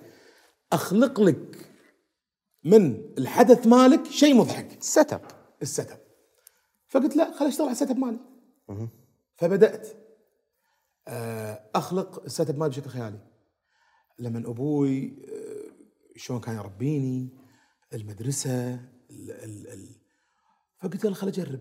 ومساحة مرتاح فيها. مساحة مرتاح فيها و secure يعني حتى safe، اذا safe. ال safe يعني حتى اذا إذا أحد بيطالع أنا قاعد أتكلم عن عن نفسي صح؟ عن نفسي أنا فما حد له حق إنه يقول هذا غلط ولا ما يصير ولا كلامك جارح. لا لا عن نفسي أنا. وتجاربك جزء من تجارب المجتمع فبيفهمونها وبيضحكون عليها. نفس التجارب اللي أنا مار فيها 90% شكراً. من الشباب مارين فيها. تربيتهم آه، م- مدارسهم آه، نفس طريقة اللبس اللي مساء قاعد أقول لك ان نلبس لبس إحنا مختنقين فيه واللبس أصلا مو راضي علينا والسوالف هذه فقمت أقول أكتب هذه النكت. فسوينا أول عرض لنا. أنا محمد اكوى أحمد الشمري. في مركز دسمان للسكر. 2010 هذا صح؟ 2010 كان الحضور يمكن 300 شخص. wow. وردة فعل الناس. سويت كويس أول يوم؟ أول مرة سويت كويس بدعت أنا انصدمت. يعني قاعد شو قاعد يضحكون من أول ضحكك وش كان شعورك؟ أول مرة اشتغلت أول joke. إحنا نفس ماكينه الديزل. كثر ما الجمهور يضحك كل ما خيالك يشتغل ديورنج اللي انت قاعد تقوله خلال اللي انت قاعد تقوله. طبعا انت الارتجال سهل عندك كنت ترتجل بناء على ردات فعلهم؟ شلون شلون صار الارتجال؟ أنا عندي مثلا يعني بعد ممارستي حق الارتجال في حياتي اليومية ها؟ يعني لابد اني أنا أرتجل الآن حتى أنقذ شيء أو أنا لازم أسوي شيء أو أنا لازم أكتب شيء فهذا سرع أو نمى عندي هذه الأمور ولا زلت. يعني أنا على فكرة إلى اليوم أنا يوميا أتمرن تمارين التمثيل اللي أنا كنت أخذها أيام المعهد ارتجال تمثيل صوت غنى و و إلى آخره. آه خلصنا ال show. ردة الفعل حلوة. المنتج اللي كان جايبنا بال show الأول كلمنا ها شباب نروح على big scale. Okay. هني دش معانا محمد الإبراهيم Jazz Events. عشان أقول تعالوا شباب خلينا نسوي big shows بالكويت. ما كان شيء معروف بالكويت اسمه stand up ولسه تقاطعت أنت مع أحمد الشمري ولا؟ شنو؟ أنت كان عندك تقاطع مع أحمد الشمري هالوقت ولا لا؟ لا لا لا لا. لسه ما تعرف أحمد. لا لا لا يعني أحمد أنا عرفته من أيام فواصل فنون. Okay. لما اشتغلنا أنا وأكوا وأحمد صح، صح. في في فواصل فنون. بعدين أتى ال stand up وفتح ال club بعدين نادي. إي أحمد حاليا فاتح Kuwait Comedy Club وشغال بعروض الله يوفقه إن شاء الله. ف ال ال ال ال سوينا ال show يانا محمد الابراهيم كان نقول خلينا نسوي أكبر. حبينا الفكرة. ف يلا okay. ما كان معروف نهائيا شنو معنات stand up comedy بالكويت. تقبلها المجتمع ولا لا؟ في البداية؟ نص نص. ما كان فاهم. مثل السعودية يعني تحس ولا؟ نفس إحنا اللي مرينا فيه أنتم مرينا إحنا إحنا إحنا ال ال ال المهنة واحدة. المنهج واحد المحيط واحد اختلاف الأماكن. ولا الدرجه يعني الكويت كان فيها حرية أكثر في الفن من في. ذاك الوقت قبل الحين؟ إي إي.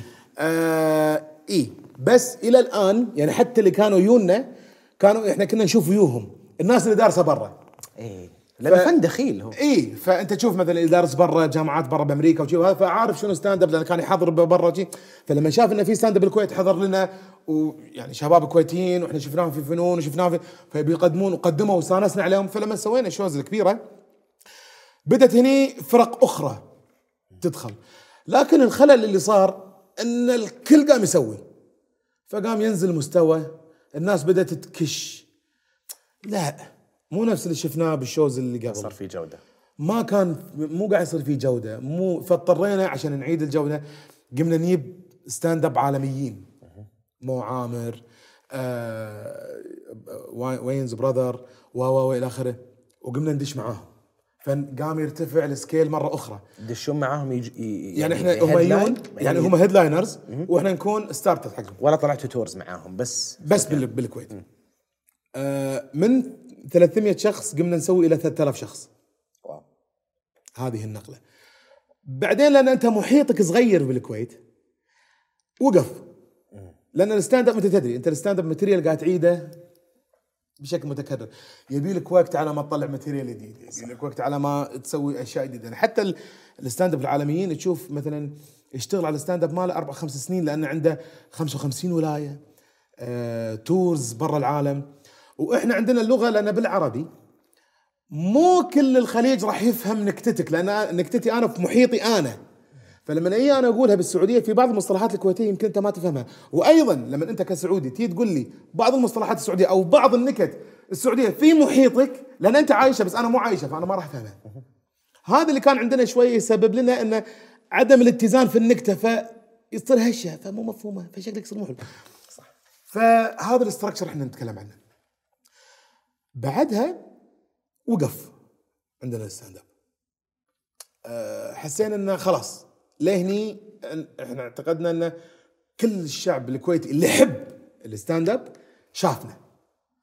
أه، أحمد فتح ال- ال comedy club بالعكس يعني شغال والناس تروح له بال weekends وعنده عروض موسمية ويسويها وكذي وهذا. أه، بعدها أه، صار عندنا انه خلينا نجرب شغلة أخرى. يعني أنا أحب ما ما أتم على شيء أحب جرب. اي لا أحب أروح حق الأكبر والأكبر والأكبر والأكبر وما عندي مشكلة بالمغامرة. جدا. ما أحب أوقف. إذا ما تغامر إذا ما تجرب عمرك ما راح توصل. عمرك ما راح تعرف أنت شنو تبي. ولا راح تحس باللذة مالت الشغف. وتبرد بعد. خلاص يصير الموضوع. اي فبعد ال stand up كان أقول ها يعني اتصال هذا أبو قتادة أبو نبيل. إي يعني اتصال من الله يذكره بالخير آه، المنتج المنفذ نواف المؤمن. كان أيضا مخرج مساعد م- مخرج مساعد مع فيصل إبراهيم اللي هو مخرج بوقت هذا بنبيل دق علي كان يقول لي جزاف. أقول له هلا صديقي يعني هو. يقول عندنا مسلسل كرتوني اسمه بو قتادة وبو نبيل وكذي وهذا نبيك معنا فيه. كرتوني. حياتي كرتوني. كرتون. Flashback ال baby الصغير. حيل قاعد 700 وناطر. بيتزا ما نوكله صاحب النينجا و- سلاحف النينجا. عرفت؟ يعني حتى يعني يعني آه، تخيل عشان بس أبين لك إيش كثر أنا كنت طفل شوية على قدي. يعني إحنا كان عندنا القرآن النشيد الوطني ومن ثم البرامج. يعني على التلفزيون أول ما يبدأ. إي إي. فأنا شي خشوع نزل راسي. إي. يخلص القرآن نشيد وطني أنا شي الحين ناطر هذه تقول ال- ال- النشرة مالتها. لما تطلع نشرة شي الله يذكرها بالخير المذيع نيرفانا ادريس وغير يعني ملحق على قدم. آه ثمانينات. كرتون يلا. إحنا كنا نسميه بالكويتي باباي. الكرتون بشكل عام باباي. إي باباي. لأنه هو على Popeye the sailor man. إيه. وكليت سبانخ إلى أن طلع من خشمي ولا صرت قوي. ولا صرت قوي. طبعا من الأشياء اللي تضحك أنا بوقف شوي هني. من الأشياء اللي تضحك شفت كاسبر؟ ال ghost الجني. Yes. قلت حق أخوي تبي أسوي كاسبر؟ جبت سميت. كان أحط على وجهه. أخوي اختنق. كان يوديه المستشفى. بالمستشفى قاعد يكسرون وجهه عشان يطلعون الجبس. انطقيت طق من يومها من أبوي. هي وهو كان هي كانت ثلاث ثواني هي إيد جاية. بعد ثلاث ثواني black out. قمت أنا ببانيو. خطفوني عصابة. القصة قاعدة تتحول والله العظيم قاعد- باسمنت بدأت بسمنت black out أنا ببانيو. And this is how I met your mother وصلت المكسيك؟ قلت الحين لا راح راح تقاضون علي راح تغ- الحين لا شنو راح لا شنو لا لا عرفت؟ ليش بانيو؟ أمي قاعد ترش علي ماي تبي تصحيني أوف اي كان طراق من أبوي. black out اي كانت كي أو حيل فعشان أبين لك أنا إيش كثر كنت متأثر. يعني واحدة من الشغلات مرة أبوي قال لي روح طفي الكهرباء. رحت طفيتها ومسكتني الكهرباء. أبوي لمني ب- ب- ب- بطانية. بطانية.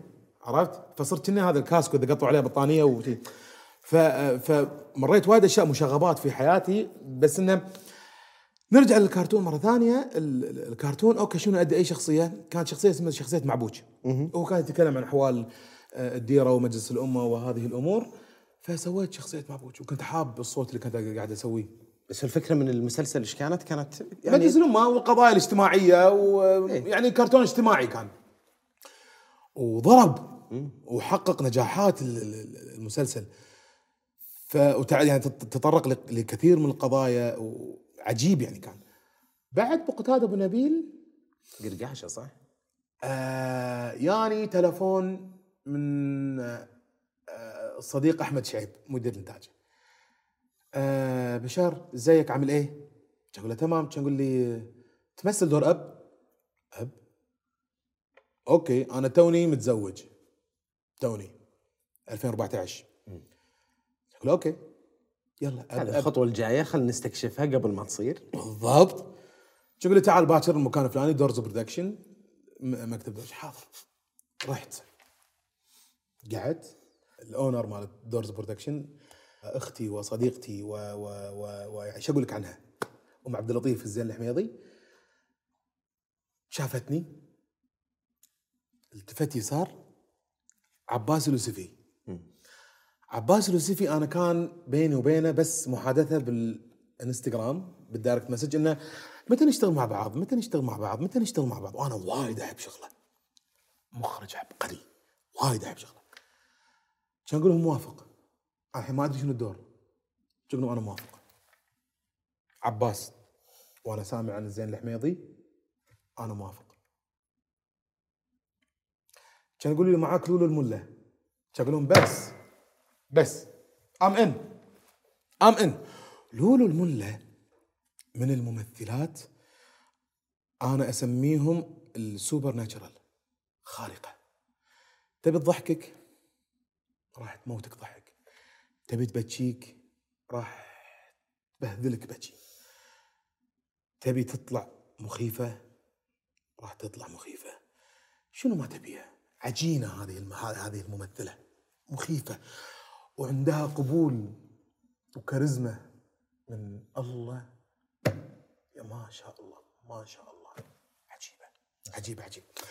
سوينا كومبينيشن أنا وعباس كتبنا قرقاشة. كان معنا شخص شخ- شخص ثالث. كتبنا قرقاشة. قدمنا الموسم الأول. خفنا من ردة الفعل من كثر ما هي كانت إيجابية. ما كنتم متوقعين هذا الحجم يعني. وعلى اليوتيوب. وعلى اليوتيوب. آه انصدمنا أنا وعباس. أوف. لا لا لا صدى مخيف. صدى مخيف يا قرعاوي سمع اي سمع. صدى مخيف. إحنا توقعنا انه بس بالكويت. لا. لا لا وصل هنا وسمع لما تصل إلى الوطن العربي خلال اليوتيوب من برنامج كويتي بحت ما كنت متخيل إن البابت اللي هي قرقاشة الناس متعطشة لهذا النوع من ال- البرامج العائلية أو المسلسلات العائلية. وكنا حريصين جدا والحلو في أم عبد اللطيف الزين الحميضي كانت حريصة على آه، آه، اللغة الحوارية اللي تقدم للعائلة. هذا اللي إحنا مفتقدينه الآن. كيف؟ يعني اليوم أنت تبي تخلي الكل يطالعك وتحبب الناس باللي أنت قاعد تشوفه. آه خلي الكلام لايت طبيعي. وهذا اللي حرصنا عليه. وأنا عباس حتى وإحنا نكتب النكت حتى وإحنا نكتب ال ال ال ال ال آه، قصص الح- قصص الحوارات قصص الحلقة يكون طبيعي بسيط من لهجة الخليج. ما يكون لهجة كويتية من كل لهجات الخليج. وعشان كذي وصل الكل. يلا نسوي موسم ثاني. سوينا موسم ثاني. نجح أكثر من الأول. آخر يوم في تصوير قرقاشة. قاعد نتعشى أنا وعباس. عباس وهو قاعد ياكل شايل فراسه. يقول تخيل تاكل آش وتصير سوبر هيرو. كان يرد يكمل. كان طالع عباس. يقول له متى نكتب؟ عشمان. عشمان. كان أقول له متى نكتب؟ يقول لي بس نقفل الحلقات هني ونكتب. يوميا كنت أدق عليه قفلت قفلت. كان أقول له بشار شوف لا تحن. على ما أنا أحن ابدأ شوي. ابدأ شوي. على ما أخلص أنا أبدأ. على ما أخلص. على ما أنا وأنا قاعد أبدأ وأدور وأبحث قاعد أدز حق عباس يوميا. نسوي كذي نسوي كذي قاعد تخيل كذي قاعد تخيل كذي قاعد تخيل كذي. لسه أفكار ما في قصة بس يعني references references references references بحوث search search بس بس بس بس بس archive archive archive خلصنا. سلمنا قرقا سلمنا قرقاشة season 2 خذنا نفس كان نقعد في دورز production أنا وعباس وزين الحميضي فقط ثلاثة في دورز برودكشن كان طالع عباس. كان طالع زين. كان طلعوني بسم الله بسم الله. شق قط لا مو حلو. الزين الحميضي فيها شغلة مو بالمنتجين. تؤمن بالطاقات والعقول التي معها. كانت معطيتكم حريتكم برؤيتكم يعني؟ تثق. تطمنت. كان في توجه عام إنه فيلم عائلي؟ yes هذا التوجه الإنتاجي الوحيد ها؟ الخطة الأولى. فيلم للعائلة. superhero خليجي. okay. اللي يقول مقتبس من أفلام عالمية طبيعي. ما في شيء اسمه مقتبس هنا بس بوقفك لحظة وأبي نرجع لها. من الأشياء اللي شدتني ترى في آه، آشمان إنه ماشي على آه، عارف ال hero's journey كيف إنه البطل يمشي ب 12 خطوة بالضبط، اللي. نشوفها في كل الأفلام. في ال comic hero's journey بطل آه، رحلة. رحلة ال- الأفلام الكوميدية. آم، آشمان يمشي على نفس الفورميلا اللي كان عليها ايس فنتورا اللي عليها أفلام آدم ساندلر اللي عليها الأفلام الكوميدية العائلية الناجحة. فيها ال ال الشرير المبالغ فيه والبطل المسكين اللي على باب الله بعدين يجي شيء أنا ليش ما أحب باتمان؟ ليش؟ ترى باتمان مو superhero باتمان غني وعنده فلوس والناس تدافع عنه شفت آخر فيلم على فكرة؟ ما عجبني ما عجبك؟ لا. والله والله يعني مو بس أختلف معاك بس عادي يعني إيه لا لا ما عندي مشكلة نتقابل بالنص بس باتمان مو superhero غني وقالها بأحد الأفلام I'm not superhero. ام إيه مرج قايل بس إنه I'm rich بس إنه ناسب فترة معينة أم- الناس طفشوا من انطق طق من سوبرمان. انطق طق من بين. بالنهاية الناس هي قاعدة تدافع قاعد تهيله كابتن أمريكا قاعد يهيله ما أدري منو يساعدونه. وبالنهاية هو قاعد يطلع إنه أم سوبرمان أم باتمان. وانت ما أنت عادي أنت حيل عادي. والله العظيم أنت ع... أنت عندك كشخة. وعندك فلوس, فلوس. ورثت من أبوك فلوس وايد إيه. ورحت حق شركة تسوي لك أدوات ال- ال- ال- الدفاع عن النفس وعندك مصنع يسوي لك السيارات والطيارات والسياك اللي أنت تبيها رحت كهف عند واحد اسمه راس الغول دربك مدري ليش اي ما أدري إيش قاعد تدرب كيف وما عضك خفاش صح. و و و ترى خوفوه بس بس خوفوه داروا دار مدارك إيه. و آه، و- و- و- يعني لياقتك مو لهناك يعني. لياقتك البدنية مو لهناك ومو سريع وما عندك طاقة. وما يقتل أحد ترى. بس تطق. أكثر شيء تدافع أكثر شيء يعني أنت أنت المفروض تفرق بين هو بين هوشة. خلاص، خلاص. يعني يا شباب يا شباب أنت المفروض هذه الشخصية. والله المفروض أنت يا شباب بس ممسوحه بوجهي ممسوحه بوجهي خلاص اقعد هناك أنا أعطيك اللي تبي بس ري أنا عندي فلوس وغني واقعد هناك اقعد هناك. عرفت؟ اي أعطوه بدلة أعطوه أسلحتي خل لأن اسلحته حلوة. ال design مال أسلحته حلوة سيارته حلوة السيكل الطيارة حلوة. كشخه بس ترى هذا اللي خلى الناس تحبه إنه واحد منهم وكل أحد يبي يصير غني. والإنسان الغني اللي قاعد يستخدم الفلوس عشان يدافع. يعني الشخصية أحتاجها المجتمع لما بدت في الثلاثينات في الأربعينات. بالضبط. سوبرمان مع الحرب الع- العالمية والروس ونحتاج البطل الأفلام الهندية الكبير ليش يصفقون بالسينما؟ ليش؟ يشوفون نفسهم بالبطل. والله. وأنا هذا قال لي اياه واحد هندي. والله. صديق. واحد من الشارع. لا لا صديق صديق والله صديق. مهندس. قلت تعال بسألك سؤال. أنتم الحين بالأفلام الهندية لما تشوفون الهندي مع إنه هم يدرون هذا كله خيال بس ما أدري ليش الناس تتقبل الخيال الإنجليزي وما تتقبل الخيال اللي يصير بالأفلام الهندية. اللي مثلا سيارة تلف وهذا يطلع من السيارة. ترى نفس ستار وورز صح. نفس الأشياء هذه نفس ايرون مان لما يطير نفسه بالضبط. بس ما فصلتني عن الواقع كثير أنت. أنت لسه حاطني في الواقع. إنزين. يقول الفقراء اللي يشوفون هذا الفيلم ويشوفون نفسهم بالبطل. فهم كلهم يبون يصيرون هذا البطل. تعرف فيصفقوا له صح. فيصير صراخ بالسينما لأن هم صدق الشرطة هم يكرهون الشرطة. فلما يشوفون الشرطي هم بيصيرون شرطة عشان يقتلون الأشرار. عشان الشر. تعرف الجوك حقت خيرو آه عن السينما في بيروت لما حضر أول مرة. واللي يقبعون سجاير آه يا خير يا حبيبي. هذيك الجوك في سوريا كان نفس الكلام كانوا يصفقون يقول إيه. لي على كل شيء يصير بطل يا أبو فلان بطل يعني اللي بالضبط بالضبط. تشجيع تشجيع. زين نرجع مرة ثانية ل- لي أشمان. آه أنا بشوي أنا برجع لك حق ال stand up بالسعودية والشباب اللي سووه. طبعا بعد شوي أنا ودي أتكلم معاك عن عن النقله اللي حصلت الثقافية والكوميدية وال- والفنية اللي حصلت بالسعودية عندكم هنا مخيفة وجميلة. جدا آشمان كتب يمكن من شهرين إلى ثلاثة بس back. and forth بشكل يومي أنت قاعد تتكلم عن 12 ساعة إلى 14 ساعة كم. draft وصلتوا؟ يمكن ثمانية ثمان نسخ من النص yes إلى أن آه، آه، رسينا على النسخة الأخيرة وإن هذه اللي راح تتصور عشان ندش ال- ال production. الآن كل التصوير أخذ ما يقارب من 28 إلى 30 يوم. كله بالكويت. 28 ل 30 يوم كله بالكويت. كانت في بدايه في بداية الجائحة ثلاث شهور خذينا تصو... خذينا كتابة في آشمان الت- التصوير كان 30 يوم الحلو في كتابة آشمان لم يكن هنالك بطل كيف يعني ما ما حطيتوا ممثل معين ولا كيف؟ كيف ما في بطل؟ إيه. إحنا كنا نبي نوصل فكرة في زمننا هذا. لا توجد بطولة لشخص. okay. يجب أن تكون البطولة جماعية. okay. اليوم هنالك عناصر في السينما أنت لازم توفرها عشان تطلع الفيلم السينمائي يكون ممتع بصريا ثقافيا اخراجيا للمتلقي.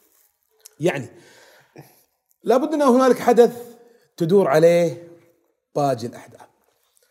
زين اللي هو عندكم إيش كان؟ إنه دخل الم- المحل وأخذ العاش، هذا inciting incident بدأت أحداث الفيلم. بالضبط. وعادة تكون في الدقيقة عشرة واللي وشيكت رجعت شفت الفيلم اليوم. دقيقة عشرة ياخذها و... ياكلها ويمشي.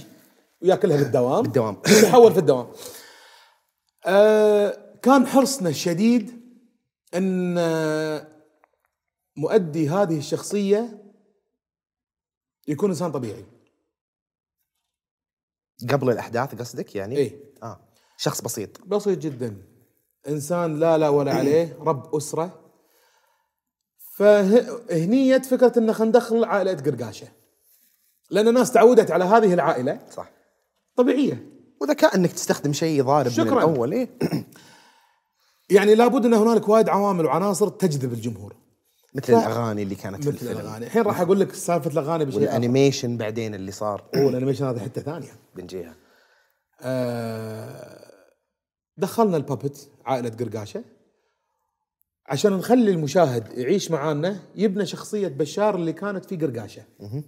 الإنس... الأب الطبيعي اللي يروح دوامه كل يوم وعنده عائلة مهتم فيها وهذه العائلة تصير داخلها مواقف. عشان تعيش الناس أسرع. معاك بالحدث الناس already عايشين مع قرقاشة. لما يشوفون بشار لولو والملا مع ال- ال- البنات this is قرقاشة. مع ال puppet قرقاشة إحنا already جايينك من history this is قرقاشة. فأنت هني قطعت شوط طويل. في التعريف بالشخصيات. بالتعريف بالشخصيات. صح. وعلى فكرة هذه للأمانة كانت فكرة المنتجة. والشيء المضحك إن أنا وعباس ما كنا نبي ندخل قرقاشة. أنتم الجانب الفني هي الجانب من التجاري. الجانب الفني. وهي من الجانب التجاري. التجاري إحنا من الجانب الفني قاعد اتكلم فعشان كذي أقول لك بعض المرات أنت محتاج ان تكون بعض المخوخ بعض العقول. يعني عقل واحد ما يفكر. إحنا كنا نشوف شايفين من point view مالنا شنو؟ هي شنو كانت شايفة؟ كمنتجة. صح. وأنت قاعد تشوف ك... كشكل فني. لكن لما نتفق وتطلع كنا متفقين معاه تطلع بهذا الشكل فقط. بهذه يعني تطلع بهذه الصورة فقط. فوافقتنا وكانت مؤمنة ان تطلع بهذا الشكل مع انها اقترحت ان نزيد مشاهدها وكذا وهذا فكان في بعض ال- ال- ال- الجلسات انه لا إذا طلعت زيادة راح يصير الموضوع ال climax مال الفيلم وال arc مال التصاعد وإحنا already عندنا حدث سريع فقالت خلاص متفقة معاكم ماكو أنتم أدرى في الموضوع أنتم كاتبين النص والى آخره. حاولنا نكتب النص بأبسط لغة ممكنة أن تصل إلى المشاهد. ما حبينا نعمق لا في الحوارات لا في الحدث ولا الملل إن يكون الملل هنالك. استعنا بالبصريات. الجرافيك إحنا نبي نكلم هال- هالجيل هذا والجيل اللي السابق اللي هو جيلي وجيلك. ترى جودة ال graphics كانت تخوف. الحين أقول لك. لما شفتها بال بال trailer في أول لما شفت ال trailer قلت wow واصلين هنا؟ يعني على فيلم بهالميزانية قدر يعني قدرتوا تسوون شيء بهالحجم؟ الحمد لله. كان طبعاً- شيء يعني يعطيكم العافية. آه، حبيبي. طبعا ال ال ال بعد ما كتبنا الحوار حاولنا إن يكون في تصاعد بالحوار وبالحدث مهم. نبسط لغة الحوار نبني البصريات أكثر لا نعتمد على البطل الواحد بل نعتمد على البطولة الجماعية. يعني طبعا كانت معانا الممثلة الجميلة إلهام علي. بدعت لها أوه الشريره تدري أحسن شيء بدورها ولا قاطعك؟ صوتها. كيف حطت صوت وشخصية مع إنها مبالغ فيها. الفيلن الشريرة بزيادة بس دورها مع الاغبياء الثلاثة اللي معاها وكمية غبائهم كانت رهيبة. رهيبة رهيبة رهيبة بدعت. كنا قايلين حق إلهام متخيلين ال character بالشكل الفلاني كان تقول أعطوني يوم. وكان بس مجرد اتصالات وإيميلات وعلى أيام الزوم والامور هذه. لما جيت الكويت تصور أقول لك قلت لكم character. كانت تسوي ال character. وهو أنت لو تشوفه شكليا شريرة. كان أقول حق عباس ما يحتاج نزيد عليها ولا شيء. هي شريرة. اللبس اللوك النظرة وإلهام علي ممثلة حقيقية. مخيفة. أنا أنا شخصيا يعني على المستوى الصعيد الشخصي وعلى المستوى الصعيد الفني العملي تبهرني إلهام تحية لها ممثلة من الممثلات ال ال تدري هي وين تبي توديك تدري هي شنو راح تعطيك تدري شلون راح تمثل وتعرف شلون تتعامل مع الكاميرا. تفاصيلها جميلة بالتمثيل. حقيقية حقيقية حقيقية. جدا. دمها خفيف وواعية وفاهمة لما تقول. آه روان العلي المساعدة مالتها كانت ماخذة شوية الدور الناشف بالعصابة.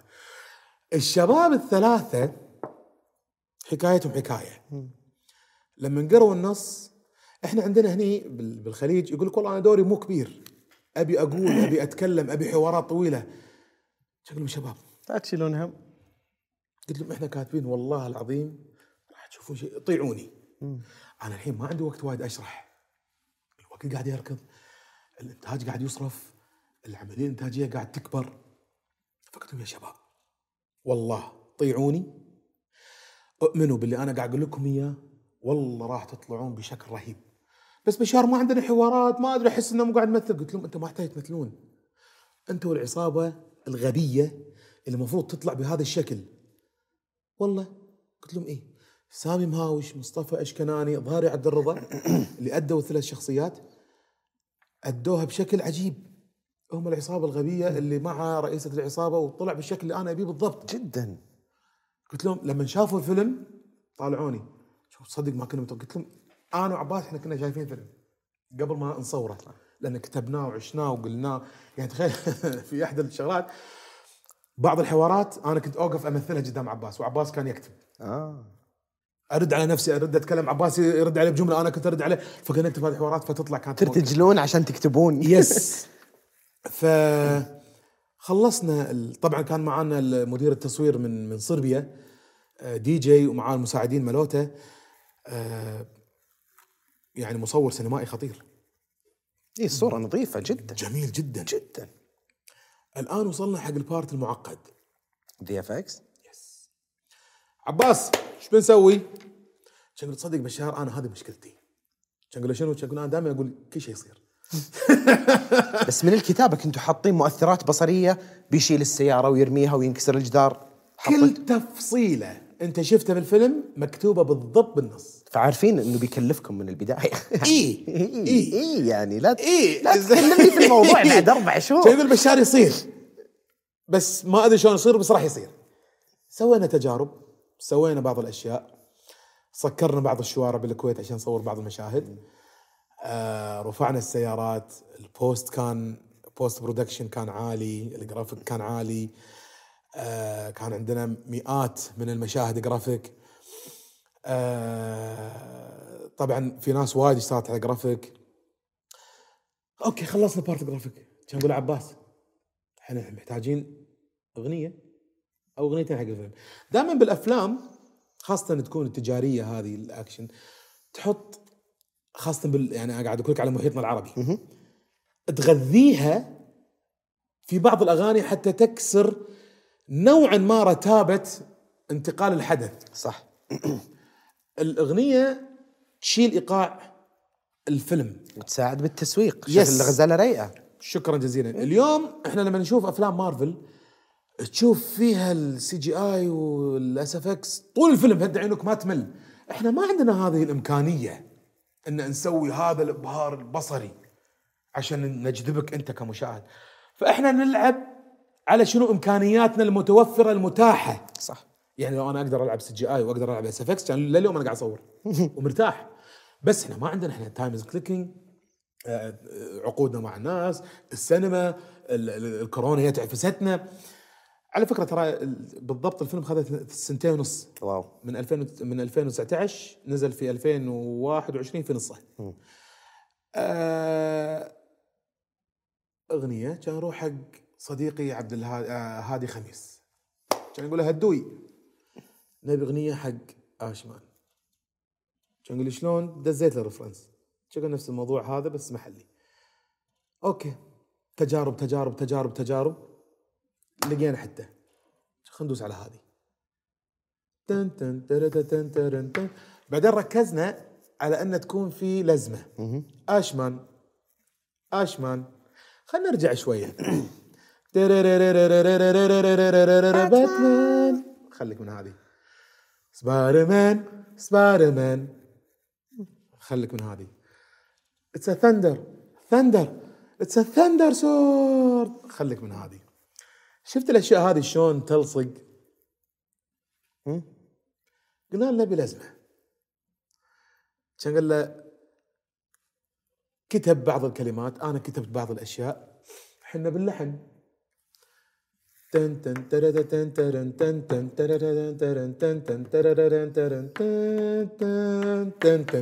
شكله وايد غربي. نبي شوي قريب عندنا. نبي okay نحط فيها الغربي عشان نعطي push بال beat عشان يثبت داخل العقل. بس الآلات ممكن تكون. ال mental اليوم العقلية منجذبة إلى الموسيقى الغربية. تعود عليها. تعود عليها. أنا ما راح أرد وايد خليجي وأسويها بشكل خليجي نفس الأغاني الخليجية لا. أنا هنا عشان أكلم هذا الجيل أروح له بموسيقته. أوكي. أشمن أقول رسلي أشمن. أنا نا نا نا أشمن. دنا نا نا دنا أشمن. أقول له خلينا ندندنها قدام الناس اللي نعرفهم. بدينا ندندن. قامت تمسك catchy. كلمات كان أقول له؟ الكلمات لازم تكون من ثيمة الفيلم. آه قول له شنو صاير؟ شنو صاير بالديرة؟ شنو شنو؟ قالوا في بيننا superhero. شو اسمه؟ اشمان باتمان سبايدر مان سايكولوجي المادة بالكلام تنحفظ. النغمة تنحفظ. ترن ترن تن تن تن. ثمانية ثمانية ثمانية اثنين يتباعدها خمسة عرفت؟ ليلة البيتزا ليلة سيزر لليوم نذكرها من إحنا. صغار. المادة بالموسيقى يعني وايد ناس يحسبون إن الأغاني وكذي وهذه حق الأفلام إنها تنقال وخلاص. لا هي mentally هي سايكولوجي موضوع انت انت الحين شلون تبي هذا يثبت؟ أنا اليوم أقدر أسوي أي أغنية وخلاص. لا. يعني وما نبي ال ال ال ال الشيء يكون بسيط. نبي يكون حلو catchy for history أبيها يكون شيء يعني قلت حق هذه قلت له أبيها يكون شيء معاي 20 سنة. شلون؟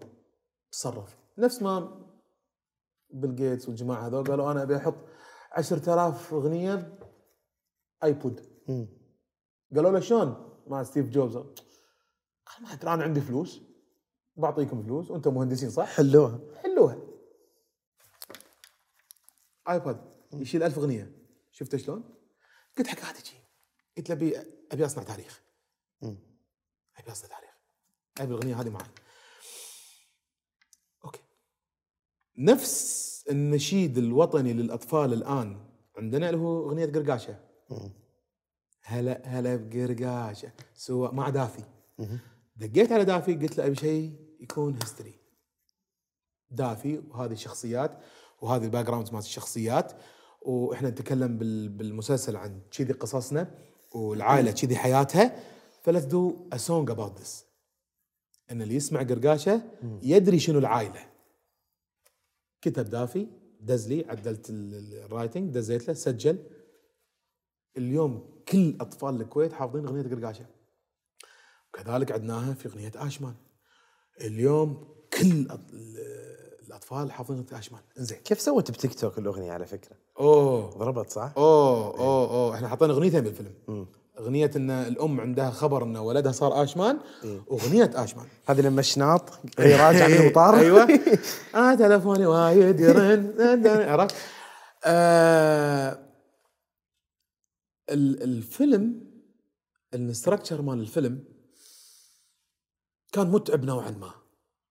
يعني لما كتبناه وعباس حتى عباس ما كان يبي ممثل يقول وخلاص اهتمامه بالكادر اهتمامه بال climax اهتمامه بال continuity اهتمامه بالقصة. آه هذه أشياء مهمة بالفيلم. اليوم كوميديا التلفزيون تختلف عن كوميديا السينما تختلف عن كوميديا المسرح تختلف عن كوميديا ال stand up تختلف عن كوميديا الدواوين والمجالس. صح. البصريات مهمة جدا بالسينما. هذه الأشياء أنا تعلمتها من نزار وأكد لي عليها عباس. استخدم الوسط اللي أنت تلعب فيه. ليه ما تستغل الوسط؟ تقدر تسوي أشياء ما تسويها بالمسرح. بالضبط. مين اللي يكون فاهمها؟ اليوم الكادر هو اللي يضحكك.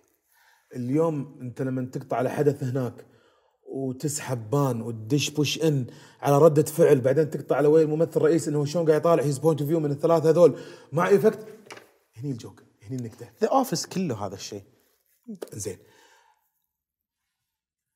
عباس جم... جمالياته وبصرياته رائعة. آه عارف بالضبط هو شنو يبي ياخذ. عباس هو قاعد يصور وهو قاعد يمنتج في مخه. فهو عارف إن هاللقطة راح تتركب على هذا ال continuity عندي ماشي يطالع ال storyboard يرد مرة ثانية cut cut cut مع ال ال يعني ال ال مدير الدي بي أو مدير التصوير و- ويتناقشون وين يعني أنا لما كنت أشوف هذه الصورة ما كنت عارف عالم السينما بهذه ال details. الناس تشوف تقول آه شيء بسيط فيلم عادي لا. في جيش وراها. أخذ الصدمة الثانية. لم نتعدى 30 شخص بالفيلم. wow. ال crew؟ كاملا. أوف. ممثلين ستاف إنتاج. واو. خلصنا التصوير. تصوير مشاهد الطيران خذت ثمان ساعات. شلون؟ كنا نبي نصور في إحدى الدول. صار لنا أعلنوا الإغلاق كامل في الكرة الأرضية. أجرنا استديو بالكويت. كان عباس يقول لي فيك شدة تعلق؟ قلت له okay. حاضر. عباس معلقني ثمان ساعات. ويفتر دار مداري بالكاميرا من كل زاوية. وأنا لازم ادي وأنا لابس ال suit. الحين الخوذة عودة اللبس الكتافيات. أنا الحين طاير كذي. والكتافيات خانقتني وأنا متين والخلوق يعود وقاعد يشكون على وجهي فماني قادر أقول الحوار وحاط تقريبا آه، مروحتين كبار قدامي فحجي قاعد ماني قادر أقول الحوار شكل عب- طف المراوح طف المراوح حاجة نشف بقول لك شيء. بقول لك شيء ماني قادر اسولف كان يقول لي okay رحنا الاستديو سجلنا ال dubbing سجلنا الحوارات ردينا الدنيا العفسة. آه، أتينا إلى الموسيقى. الحين إحنا شلون نبي نبني ثيمه لآشمان. الموسيقي الكومبوزر العجيب عبد الله العلي. طلعنا دينا وطلع ديننا. الموسيقيين فيهم مشكلة. مزاجيتهم عجيبة. في في صنع ال- ال- الموسيقى. وهو يسوي إني نعدل وهو يسوي إحنا نسوي وهو يعدل. إلين وصلنا مرحلة اللي سمعتوها في آشمان. ترى كلها كانت live يعني ما خذينا ولا شيء لا كله كان composing live آه خلصنا الصوت خلصنا الموسيقى خلصنا جرافيك خلصنا المونتاج. عباس يتجمع الفيلم كله. إحنا بال- بالمكتب ب Doors Production عندنا سينما صغيرة. عرضنا الفيلم. أنا قاعد مع عباس مع أم عبد اللطيف زين إحنا قاعد نطالع الفيلم. هذا ال final خلاص. آخر cut online تلون في ال VFX كامل. جاهز يروح سينما. هذه أول مرة تسوون screening yes حلو. لين نص الفيلم. كان أقول لك عباس يحتاج مونتاج. عباس قال صح كان مدته تقريبا ساعتين وشوي. لا. نزلتوا ساعة و40 ساعة و36 إيه. يمكن إيه؟ ساعة و 35 شيء شيء re-edit كامل. قصقص. شك شك ملاحظات. notes notes note note note note note note note note قصص قصص. في بعض المشاهد حذفت في بعض المشاهد حذفت. اني حق part اللي ما يسمى ببطل الفيلم. كان همنا الأول الحدث يدور الأبطال الحقيقيين هم من حول ما تدور عنه القصة. الأشرار الأم مع بنتها والدكتور. والشرطي الخرافي على فكرة. سلطان الفري. الاستجواب يا بشار. سلطان الفري كان شرطي. وابو خرشد كان الشخصية. ابو خرشد آه، كان عندنا شرطيين. إيه، لا، شرطي- أقصد إيه. شرطه الدورية طبعا سلطان الفري بدع هذا رهيب. هذا رهيب. وابو خرشد اللي هو ال inspector. ال inspector. لما كلم الكاميرا ويا ويلك قلت يا يعني الأداء المبالغة طلع المسدس pow! رهيب. يقول أنا ما راح أستخدمها. pow! فكان اهتمامنا بالشخصيات هذه أكثر من الشخصية اللي يدور عليها البطل. واضح. بين بين هالشيء كل. شخصية لها ليش؟ ليش؟ عشان تبين القصة. هني الشيء ال part اللي كان صعب علينا. اللي هو؟ الاهتمام بالشخصيات. يعني الناس اليوم تقول خلاص دام في بطل وهو super hero هذا الموضوع كله عليه. لا لو مو الحدث اللي قاعد يدور دار مداره هذا ما يبين. صح. هذه المشكلة اللي عندنا يا قرعاوي. إنه لازم في بطل واحد. لا خلاص. وجهه هو ال poster لا. هنا ال poster شفت Avengers إيش كثرهم؟ منو بطل آخر وا... آخر, آخر فيلم؟ Thanos. هو اللي كان المحور هو اللي بهدل الكرة الأرضية. الكل كان خايف من. لا Iron Man لا لا لا لا, لا ولا أحد. اليوم أنت شو أنت بتصنع بطل خليجي؟ ما راح يجيب لك outfit من برا. وعلى فكرة ترى قصة ال outfit هذه. الوزرة. خليني أقول لك شلون صارت ها؟ إيه.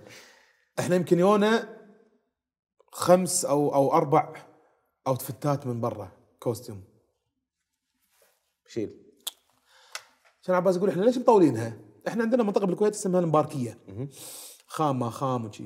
أنا وعباس نزلنا شرينا الخام رحنا الخياط اللي أنا فصل فيه جاديش فصلت دشداشتي بال design اللي أنا أبيه بالوزار. آه كان معانا يحيى آه واحد من المنفذين آه آه، تشان لي آه من الج- الجنسية الاسيويه هو اللي سوى التفاصيل مالت آشمان صبغ هذه وص... على فكرة ال helmet إيش ال helmet؟ ليش ال helmet كانت؟ إيه. ال helmet كانت مالت فزبة. شفناها بالمكتب موجودة. دباب إيه. إيه. شفناها بالمكتب موجودة. كان عباس يقول تلبسها.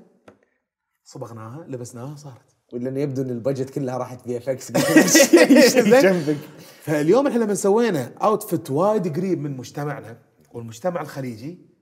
هني الناس تشجعت إنها تشوف وأيضا حاولنا إن ما نطلع هذا ال super hero بالقوة الخارقة العظيمة اللي الناس متعودة تشوفها بهوليوود. حرصنا إن تكون قواه الخارقة من شيء متداول لدى الجميع. إن ترى الكل يقدر يصير سوبر هيرو. ما صعبناها على حد وهذا مهم إن أنت لما تكون لما تكون قريب عند ال- ال- ال- الشخصية الطبيعية البسيطة اللي تطالعك وتحببها بالشيء. يعني اليوم أنا لما أشوف مسجات تجيني تقول عيالي ملوا وهم يأكلون آش.